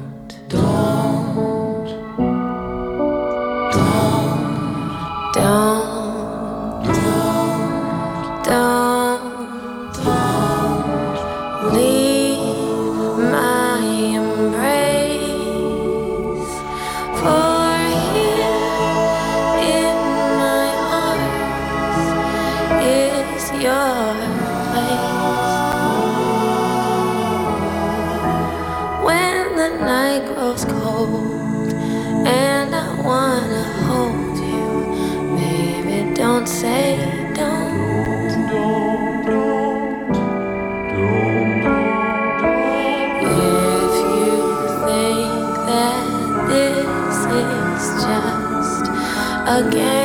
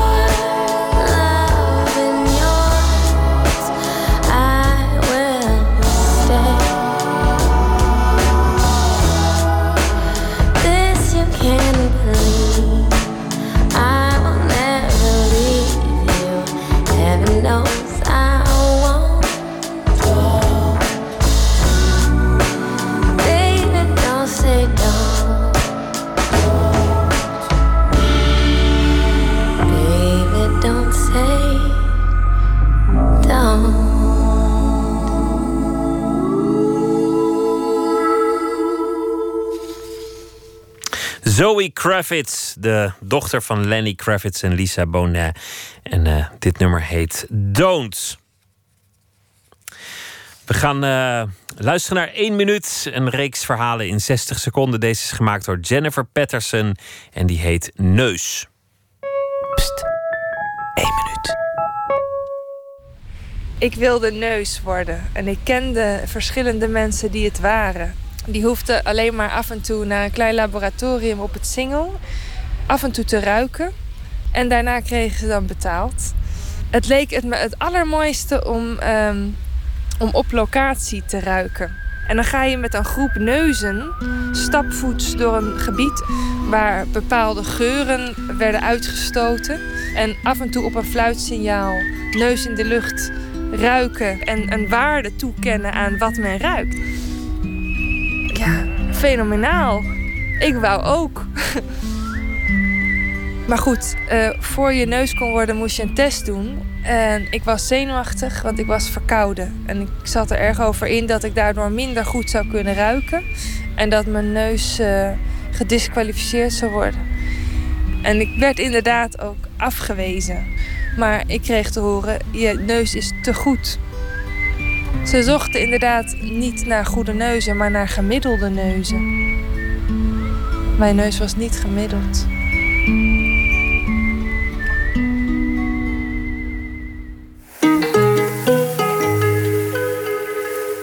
Jona Valken is deze week onze vaste schrijver. Elke nacht een verhaal bij de dag die verstreken is. Jona, goeienacht. Goeienacht, Pieter. Wat is het grote thema van de dag geweest wat jou betreft? Ehm, ik heb de bordesfoto heb ik live gezien. Ah, je zag, je zag hoe ze daar gingen staan en eh, de fotografen zich opstelden. Ja, heerlijk, heerlijk knullig. En daarbij vielen me niet de schoenen van de jongen op, maar vooral het hupsje wat onze koning maakte. En het leek net eigenlijk alsof hij heel nodig moest plassen of nerveus was. Het was ook zijn eerste keer. En eh, dat, ik vond het een leuke, leuk om te zien. En, ze, en ze hadden dit keer in tegenstelling tot, tot vroeger een, een dresscode. Ze hadden allemaal een soort eh, pandjesjas aangedaan. Ja, en wat geel zag ik en wat... Ja, ik, ik weet niet. Ik vond het er eigenlijk best mooi uitzien zo. Ja, oh nee, ik vond die, die pandjesjas, dat vond ik geen porum. Dat moeten ze niet meer doen. Pandjesjas? Ja, met zo'n zo, zo'n lange, zo'n lange sleep als het ware. Dus dat, dat je Ah, boven de kont een, een soort servet hebt hangen. Dat is me niet opgevallen. Nou, goed, ik ben benieuwd eh, naar jouw impressies. Ik vroeg een vriend hoe het met hem ging. Hij zei, de meisjes zijn in Wenen. Het klonk me als de titel van een streekroman in de oren. Maar hij doelde op zijn vrouw en dochter die een reisje maakten. Hij zei, de meisjes zijn in Wenen en dat is niet zo erg, want ik zit ze toch alleen maar in de weg. Meer dan een pedaalemmer ben ik vaak niet voor ze. Iemand die zichzelf een pedaalemmer durft te noemen, noem ik graag mijn vriend of geestverwant. Want ook vandaag, tijdens het maken van de bordesfoto op Paleis Noordeinde, kon ik de gedachte niet onderdrukken dat het lichaam vaak niet meer is dan één grote stankafsluiting. Oftewel een pedaalemmer. Het wemelt in het lichaam eveneens van de sappen en verrotting. Alles wat erin gaat, moet er ooit weer uit.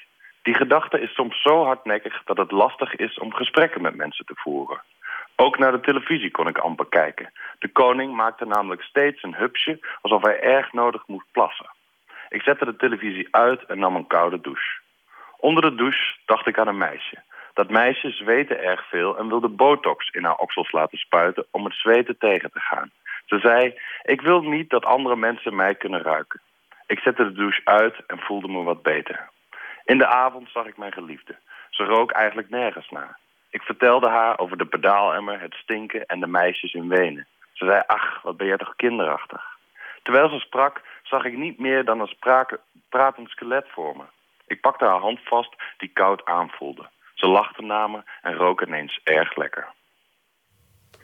Het lichaam als pedaalemmer. En als je die gedachte eenmaal toelaat, dan zie je hem overal. Ook in je eigen geliefde. Ja, wa- wat een ambitie om niet geroken te willen worden. Ja, Ja, maar dat is heel menselijk, denk ik. Ja, ja soms, soms is het te laat. Dan loop je over straat en dan denk je... Gadver, wat stinkt die man tot je realiseert dat je het zelf bent. Heb je dat wel eens gehad? Op een, op een hete Eh, zomerse dag? Ja, ik, ik, ruik, ik begin altijd naar een patatje speciaal te ruiken. Dat is erg vreemd. Ik weet niet of jij dat hebt. Nee, bij mij is het hars. Hars? Ja, ja, ik bedoel niet dat ik hars gebruik, maar dat, dat is de, de, de geurassociatie. Ik probeer Ja, het altijd ja. voor te zijn hoor. Het komt volgens mij niet vaak voor, maar. Gadver, wat een gesprek zijn we aan het voeren trouwens. ook... Hé hey Pieter, je ruikt naar hars? Nou, dat probeer ik dus voor te zijn. Dat punt probeer ik te vermijden. Maar, maar mijn geliefde heeft het wel eens gezegd. Oké. Ja, dat, dat is leuk om te weten. Ja. Ja. Nou, de koning die eh, moest, eh, moest naar de wc vandaag op dat plechtige moment. Voor hem ook een eerste keer. En eh, ze stonden mooi op de foto. Juist.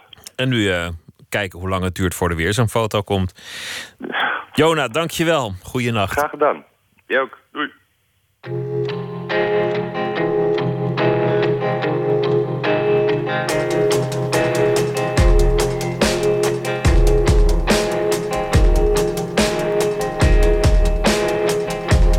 I just spent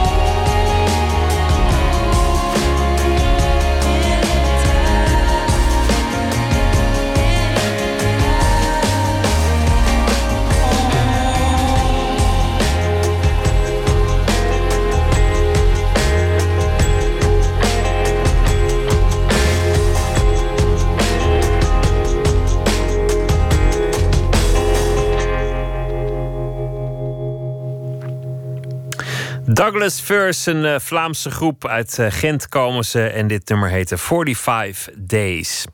Poëzie van eh, Diet Groothuis. Ze schrijft gedichten voor kinderen. Trad vorige maand op tijdens de eerste editie van de Kindernacht van de Poëzie. Schreef ook het grote Poetsboek met opruimtips en schoonmaakadviezen. Werd een bestseller en we gaan luisteren naar het gedicht Verveling.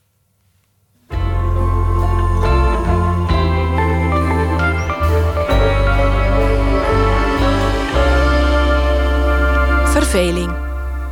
Met de bijl van mijn vader door de straat lopen. Iedereen kijkt. Lapjes lucht en flarden. Pats! Overal blokjes wolk. Takjes van de boom. Pats, pats! Het regent groene snippers. Tuinhek in elkaar. Pats, pats, pats! Stukken hout door de lucht. De staart van die valse hond van de buren. Pats, pats, pats, pats! Overal bloed. Niet in het echt hoor. Ik kan niet tegen bloed. In een gedicht kan ik doen wat ik wil. Iedereen een beetje de stuipen op het lijf jagen. Van kwaad tot erger. Van heel voorstelbaar tot nee, dit kan niet waar zijn. Die bijl van je vader ligt waarschijnlijk goed verstopt. Ergens waar de kinderen er niet bij kunnen. Tenminste, als die vader een beetje verstandig is. Er zijn nogal wat mensen die hun bijlen en geweren niet zo goed verstoppen. In Amerika zou dit gedicht een stuk minder grappig worden gevonden, denk ik. Misschien is het inmiddels ook in West-Europa geen grappig gedicht meer. Er zijn te vaak echte gekken op straat. Laten we het erop houden dat fantasie een fijne uitlaatklep is voor kwaaie gedachten. Verveling. Met de bijl van mijn vader door de straat lopen. Iedereen kijkt. Lapjes lucht aan flarden. Pats! Overal blokjes wolk. Takjes van de boom. Pats, pats! Het regent groene snippers. Tuinhek in elkaar. Pats, pats, pats! Stukken hout door de lucht. De staart van die valse hond van de buren. Pats, pats, pats, pats! Overal bloed. Niet in het echt hoor. Ik kan niet tegen bloed.